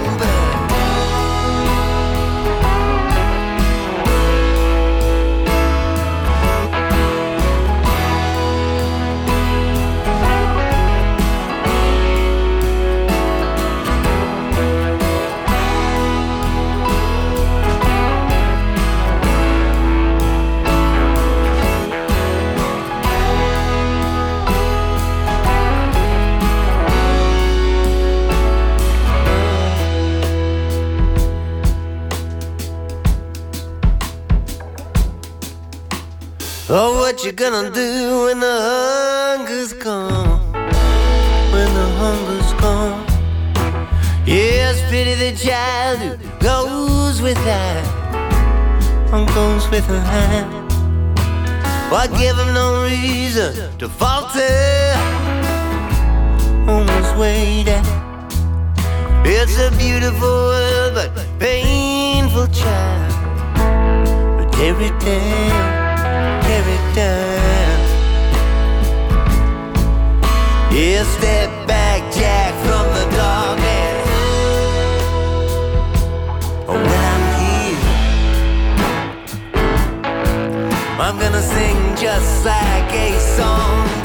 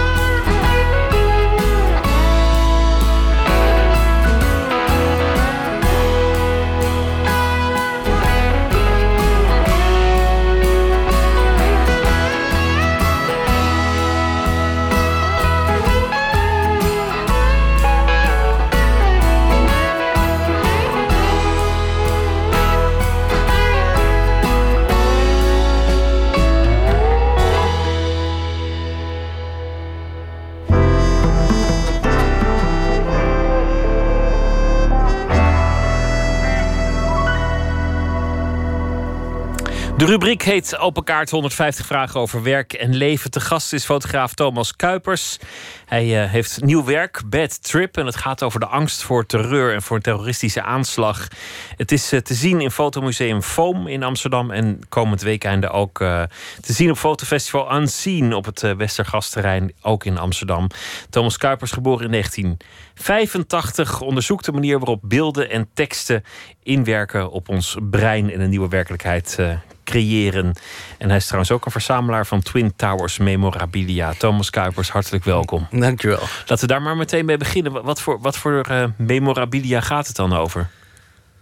Ja, eigenlijk echt alles. Het enige criterium is dat het uh, van voor 2001 moet zijn. Dus waar de torens nog in hun pracht en praal opstaan... zonder enige referentie naar wat er op 11 september gebeurd is. En dat kan soms hele wonderlijke gedaantes aannemen, leerde ik uit, uit jouw verzameling. Bijvoorbeeld een, een, uh, het, het, spelletje Flight Simulator. Ja, die heb ik laatst voor Windows, gekocht, inderdaad. Ja. Uit 1988 met een vliegtuig en die twee torens erop. Ja. Onvoorstelbaar. Ja, en op de achterkant staat ook dat uh, als je goed oefent... dat je met een hele uh, squadron van fighter jets tussen de torens door kan leren vliegen. maar dat is natuurlijk een een ja. referentie die er later pas op is gelegd. Wisten die mensen veel? Ja, precies. Het leek ze gewoon leuk, twee torens en, ja. en, en, een vliegtuig. Extra wrang omdat die terroristen met, met dergelijke programma's hebben geoefend op de, op de route. Oh, is dat zo, ja? Ja. Ah, dat, uh, dat wist ik niet. Wat voor, wat voor uh, parels zitten er nog meer in deze wrange collectie? Um, ik heb een aantal van die snow globes waar je, waar je zo mee kan schudden. Dat het dan uh, glitters, sneeuw, sneeuw, sneeuwdwarrelt. Um, en een uh, heel mooi badpak. Uh, met de Twin Towers erop. Um, en ik heb onlangs ook een oude cola fles gekocht met de Twin Towers erop. Dus eh, het gaat echt alle kanten op. Hoe begint zo'n verzameling en, en waarom? Het begon eigenlijk toen ik ehm, een hele tijd geleden, ik denk, ja, dat was begin 2015, vond ik in de kringloopwinkel een, ehm, een schilderij. eh heel kitscherig schilderij. Met allemaal paarse pasteltinten en ehm, de skyline van New York, maar vooral de Twin Towers, eh, prominent in beeld. En het was eigenlijk voor mij de eerste keer dat ik besefte dat er een, eh, een beeld bestaan heeft voor eh, 2001 van die torens. Ehm, en toen ik 15 was, het moment dat ze omlaag kwamen, was eigenlijk het moment dat ik me ook bewust werd van het bestaan van die torens. En ik heb me nooit echt gerealiseerd dat het ooit als iets heel anders gezien werd. Dat was, toen, toen ik dat schilderij zag, ging eigenlijk het beeld wat bij iedereen nu direct getriggerd wordt als je Twin Towers zegt. Dat, ging heel, eh, dat maakte even ruimte voor, voor dat beeld wat er daarvoor bestond. Door dat kitscherige schilderij. Een tijd van onschuld eigenlijk. Je roept eigenlijk iets terug in het geheugen dat verdrongen is door, door dat ene beeld van die instortende torens. Ja, het gaat mij ook heel erg om de kracht van dat mediabeeld. En eh, ja, om, om eh, de woorden van de curator die de eh, tekst schreef voor de tentoonstelling te gebruiken. Ze, ze het een beetje als een Don Quixote die probeert te vechten tegen dat beeld wat uiteindelijk toch altijd wint. Maar de poging telt eh, om te proberen dat even aan de kant te duwen in de hoofden van de mensen. En even die ruimte te creëren voor het beeld wat er daarvoor ooit was. Want daar gaat de terreur natuurlijk wel voor een groot deel over. Die, die schok en dat beeld dat je, dat je wil vestigen in alle hoofden van alle mensen over de hele wereld. Dat, dat, dat beeld dat maar op dat netvlies moet blijven branden. Ja. En daar valt weinig tegenover te stellen. Ja, het is wel. Ik denk wel dat de kracht van zo'n daad wel steeds minder impact krijgt. Ik bedoel, iedereen weet nog wel waar die was toen eh, de, de vliegtuigen in de Twin Towers vlogen. Dat komt natuurlijk ook omdat iedereen er voor zijn gevoel live bij was. Want iedereen zag dat gebeuren op tv. En het gebeurde echt letterlijk in iedereen's woonkamer. Er zat alleen een scherm tussen, maar iedereen heeft het zien gebeuren. Maar wat, waar ik bijvoorbeeld was toen, eh, toen de aanslagen in Brussel waren. Of eh, nou, ik heb, dat weet ik al niet meer. Terwijl dat veel recenter is geweest. Dus die kracht neemt wel af. Daar, daar gaat je, je, je huidige werk over, over, over de, de angst voor terreur. Ondanks dat je er zelf nooit echt bij bent geweest. Dat, dat je zelf nooit rechtstreeks slachtoffer bent geweest. Is die angst in je hoofd en je probeert eigenlijk dat met, met je werk op te roepen. Die angst of, of dat beeld. Nou, het is, het, het is eigenlijk ehm, wel, wel eh, een gevolg geweest van iets waar ik mezelf aan bloot heb gesteld. Ik ben namelijk eh, eigenlijk ongeveer sinds Trump verkozen is, eh, heb ik een hele tijd geen werk gemaakt. Ik denk een maand of drie, vier niet. En dat kwam omdat ik gewoon me wilde focussen op het leren begrijpen waarom iemand zijn stem aan een persoon als Trump zou geven.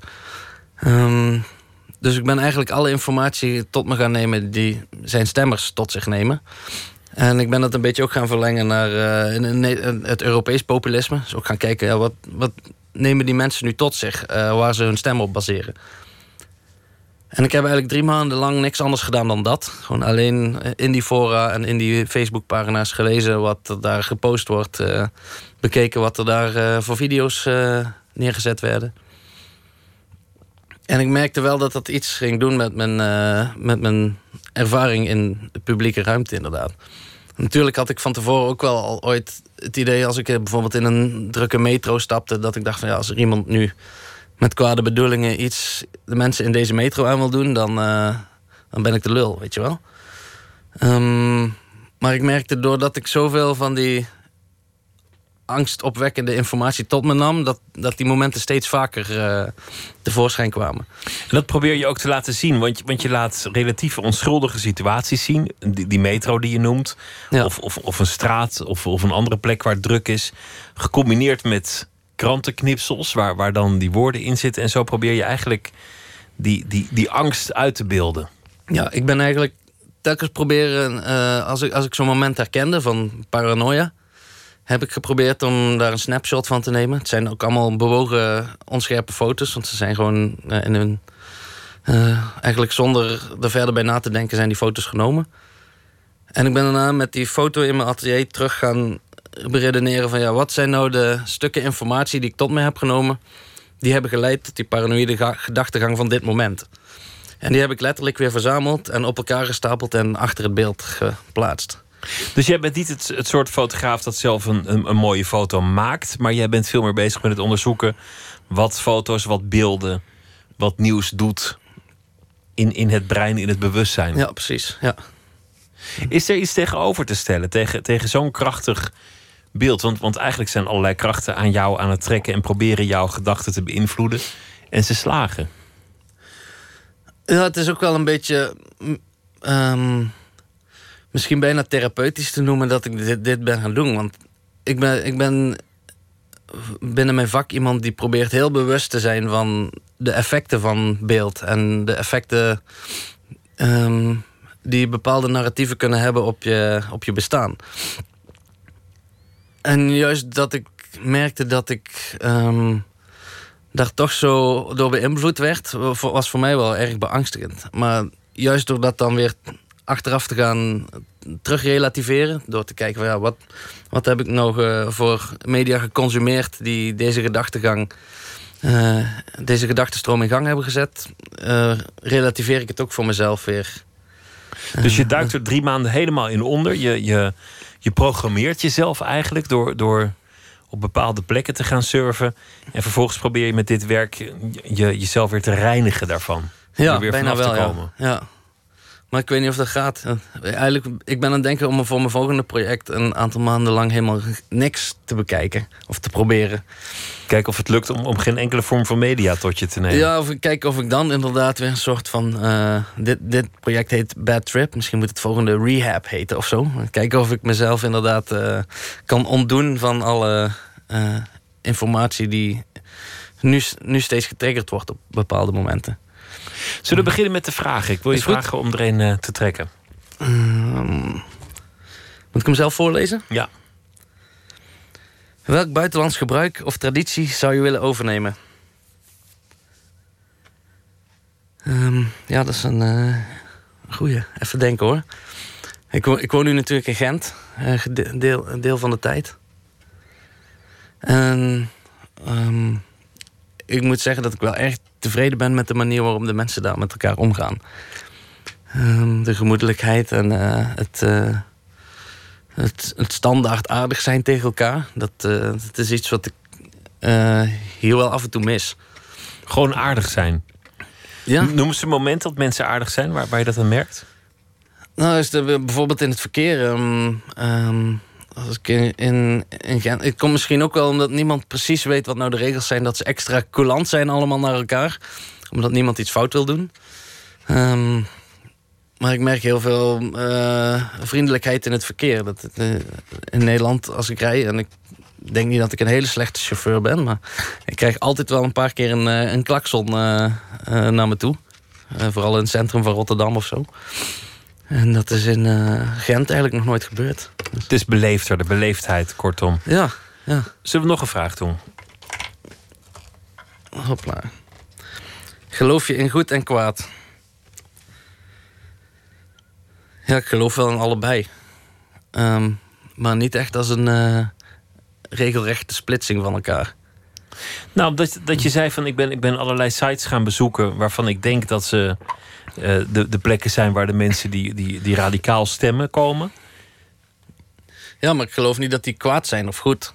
Eh, nee, nee, maar daar gaat het wel vaak over goed en kwaad. Als je, als je Trump hoort, die heeft het heel vaak over een heel duidelijke scheidslijn tussen bad people en good people. Ja, ja, ik denk dat dat de strategie is. En ik denk dat dat ook wel een symptoom is van onze eh internetcultuur, tijdperk waar we in leven. Dat ehm, het heel makkelijk is om online allerlei dingen te roepen die extreem zwart-wit zijn.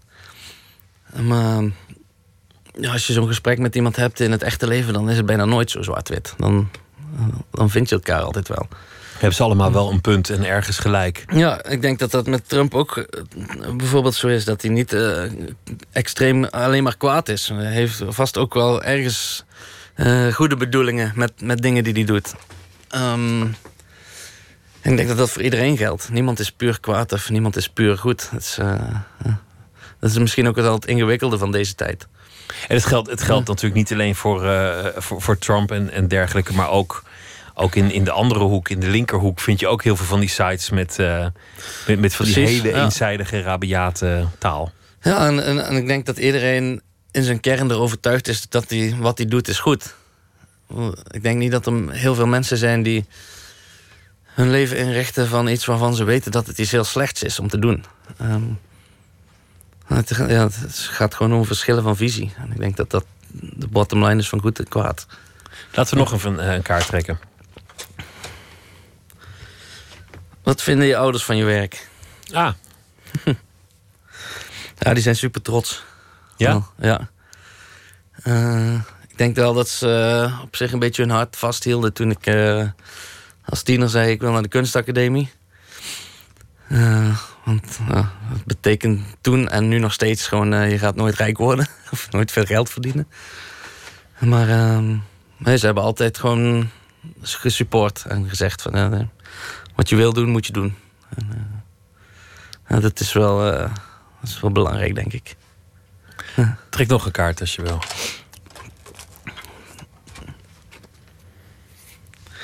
Welk kunstwerk moet gered worden als de wereld in brand staat? Ja, als de wereld in brand staat, moet er dan nog wel kunst gered worden? Hebben we dan geen andere zorgen, bedoel je? Ja, precies. Moet, je- moet je dan wel achter de kunst aangaan? Ja. Ja. Ja, ja, en als de hele wereld in brand staat, eh, heeft het dan nog zin om überhaupt iets te redden? Eh, Ja, dat is een hypothetische vraag. Trek er nog maar één. dat is een veel te ingewikkeld antwoord. Wat moet iemand van je weten om je echt te kennen? Hmm, ik denk dat iemand gewoon eh, een aantal dagen achtereen met mij door moet brengen. En dan weet hij het wel. Ik denk dat ik mezelf best wel snel laat zien eh, dan. Ja. Dan is het gewoon wel, wel duidelijk met wie je te maken hebt. Ik denk niet dat ik het echt in woorden zou kunnen omvatten. Maar ik denk inderdaad als we gewoon eh, een week op vakantie gaan... of eh, een week werken aan iets, dan, eh, ja, dan weet je wel hoe het werkt, ja. Weet je hoe het zit? Ja. Komend eh, weekend vanaf morgen is het eh, fotofestival Unseen in Amsterdam op het eh, Westergasterrein. Met nog veel meer fotografen trouwens. En ook het werk Bad Trip van Thomas Kuipers. En ook nog te zien tot half november in Fotomuseum Foam in Amsterdam. Ook te midden van. En op andere- zaterdag in Sexyland ehm, is er ook nog een werk van mij te zien. Samen met vier andere makers. Ook vanuit Foam. Foam Farm heet het. En het is weer een heel ander project. Maar het gaat wel weer over dezelfde thematieken. Dus zaterdagavond. Veel te zien. Thomas Kuipers, dankjewel. Graag veel gedaan. plezier. Dankjewel. Het eh, nummer Need Your Love So Bad werd een hit voor vele artiesten, onder meer Fleetwood Mac. Little Willie John was eh, een van de mensen die hem ook eh, deed. Geen lievertje werd in de jaren 60 veroordeeld voor doodslag, maar dat neemt niet weg dat hij mooi kon zingen. Hier is Little Willie John, Need Your Love So Bad.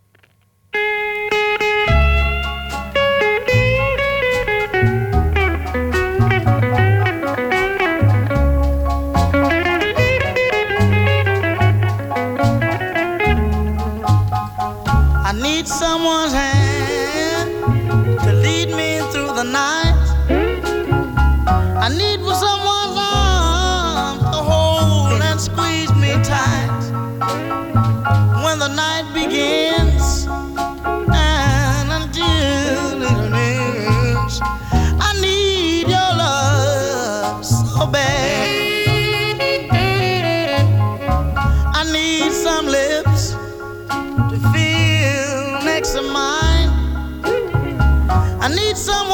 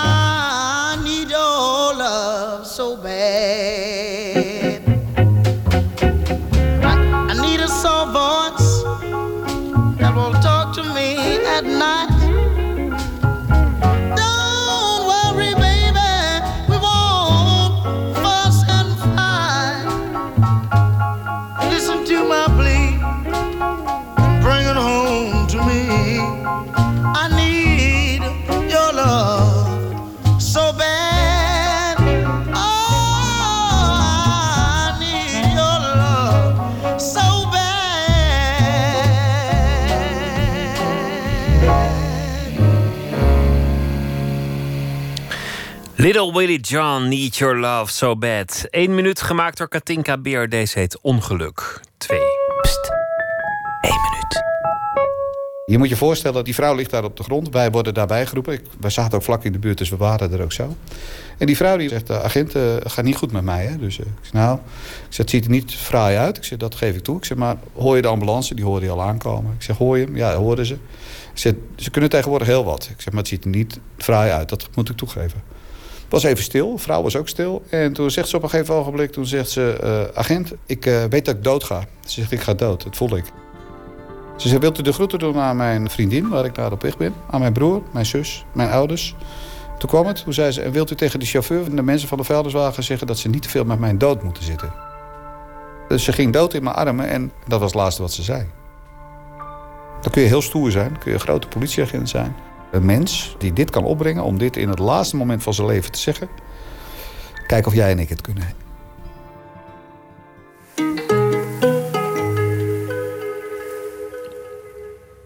Schrijver Eutjan Akil maakt deze week elke nacht een verhaal voor ons bij de dag die achter ons ligt. Eus, goeienacht. Goeienacht, Pieter. Weer een dag voorbij. Wat is het, uh, wat is het geworden? Wat heeft je geïnspireerd?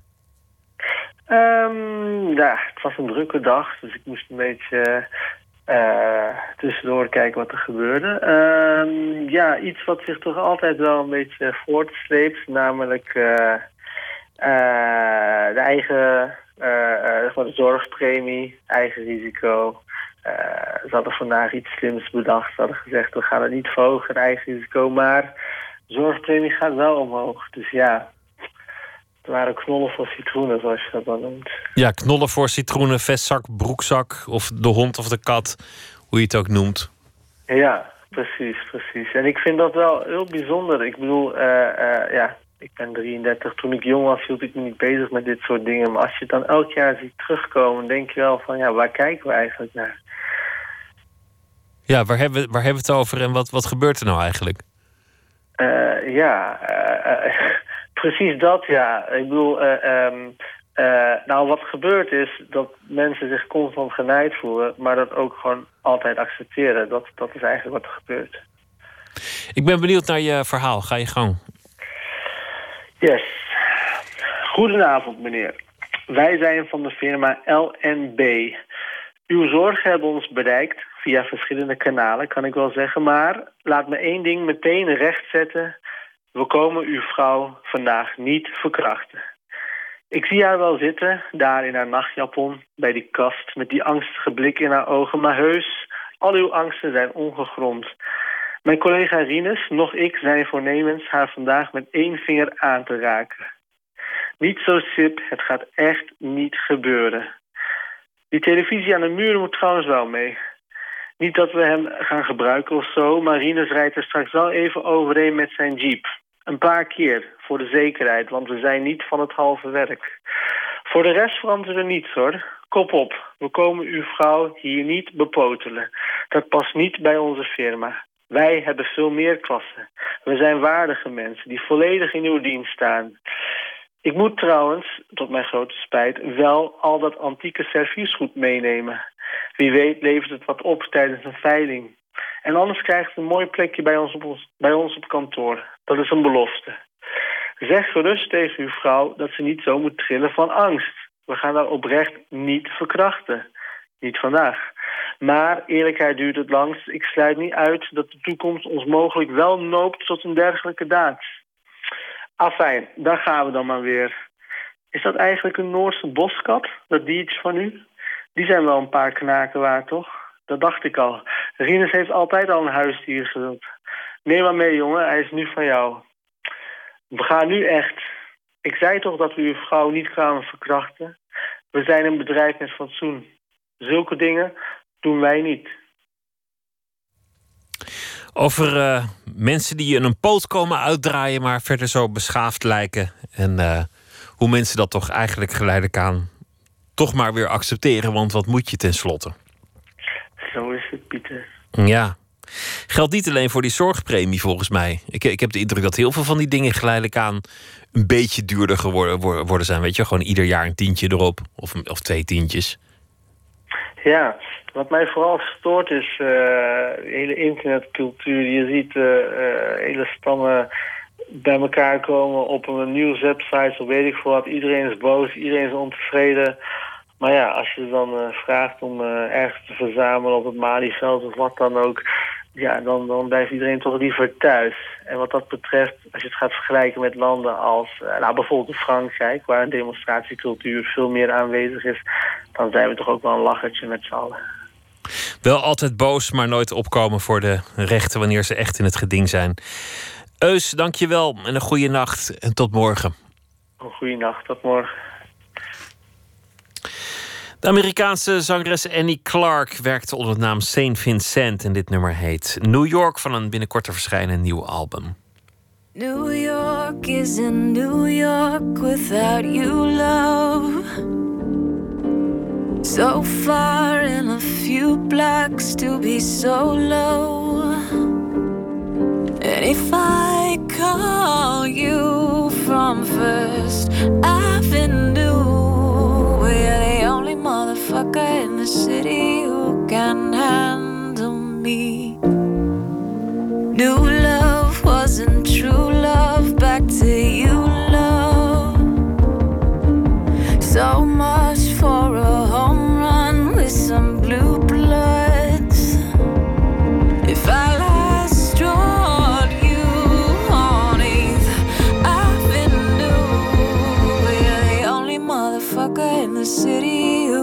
who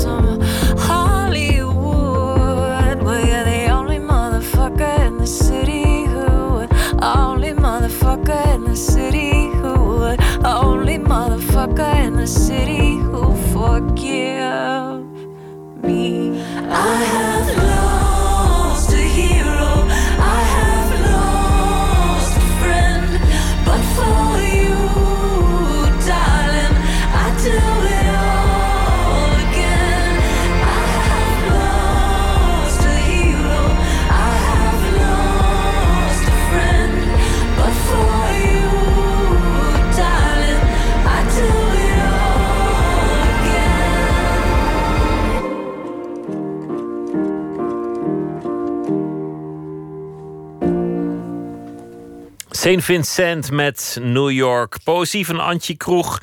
Misschien wel de bekendste Zuid-Afrikaanse dichter. Was in Nederland afgelopen week einde voor de Nacht van de Poëzie. Ter ere van de 65e verjaardag eh, verscheen ook een bundel met haar mooiste gedichten. De titel daarvan is eh, Grond. En zo heet ook dit gedicht.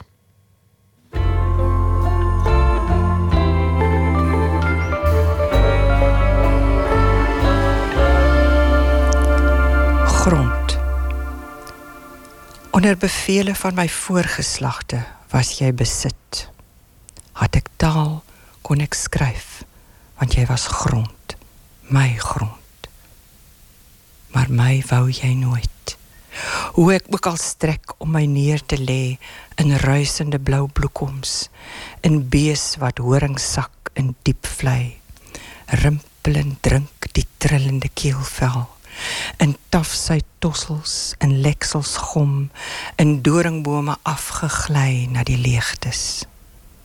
My wou jy nooit. My verduur kon jy nooit. Keer op keer skud jy my af rol jy my uit grond. Ek word langsam naamloos in die mond. En nou word geveg om jou. Beding, verdeel, verkamp, verkoop, versteel, verpand. Ek wil ondergronds gaan met jou grond. Grond wat my nie wou hê nie, grond wat nooit aan my behoort het nie. Grond wat ek vergeefser as vroeër liefhet. Hierdie gedig het ek geskryf tydens die hoogtepunt van die onluste en betogings oor grond en teen apartheid in Suid-Afrika. En ons het 'n plaas en dit is 'n pragtige plaas met 'n fontein en 'n groot poel water wat ons noem Diepvlei. En my paat beeste en die beeste kom drink by Diepvlei. En jy sien hoe trill hulle en jy sien die doringbome en jy jy die grond lief jy voel jy besit die grond maar jy kom skielik agter die grond wou jou nooit hê nie. En nou tans word die grond oorbeklei dit word gesteel dit word verkoop dit word verpand. En mense liefde vir grond is uiteindelik vergeefs. Grond. Onder bevele van my voorgeslagte was jy besit. Had ek taal kon ek skryf want jy was grond. My grond. Maar my wou jy nooit. Hoe ek ook al strek om my neer te lê in ruisende blou bloekoms, in bees wat horing sak in diep vlei, rimpelend drink die trillende keelvel. In taf sy tossels in leksels gom, in doringbome afgegly na die leegtes. My wou jy nooit. My verduur kon jy nooit. Keer op keer skud jy my af, rol jy my uit grond. Ek word langsam naamloos in die mond. En nou word geveg om jou. Beding, verdeel, verkamp, verkoop, versteel, verpand. Ek wil ondergronds gaan met jou grond. Grond wat my nie wou hê nie, grond wat nooit aan my behoort het nie. Grond wat ek vergeefser as vroeër liefhet.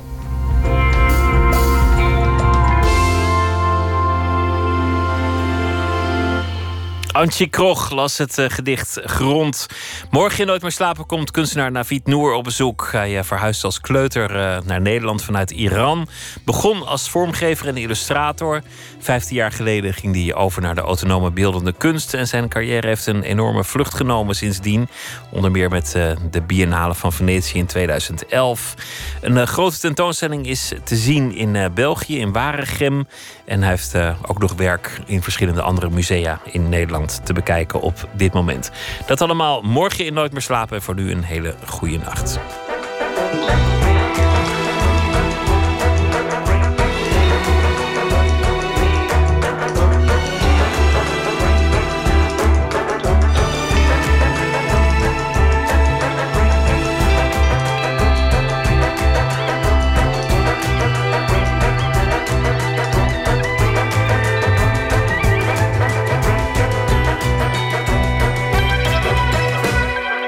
Radio 1. Het nieuws van alle kanten.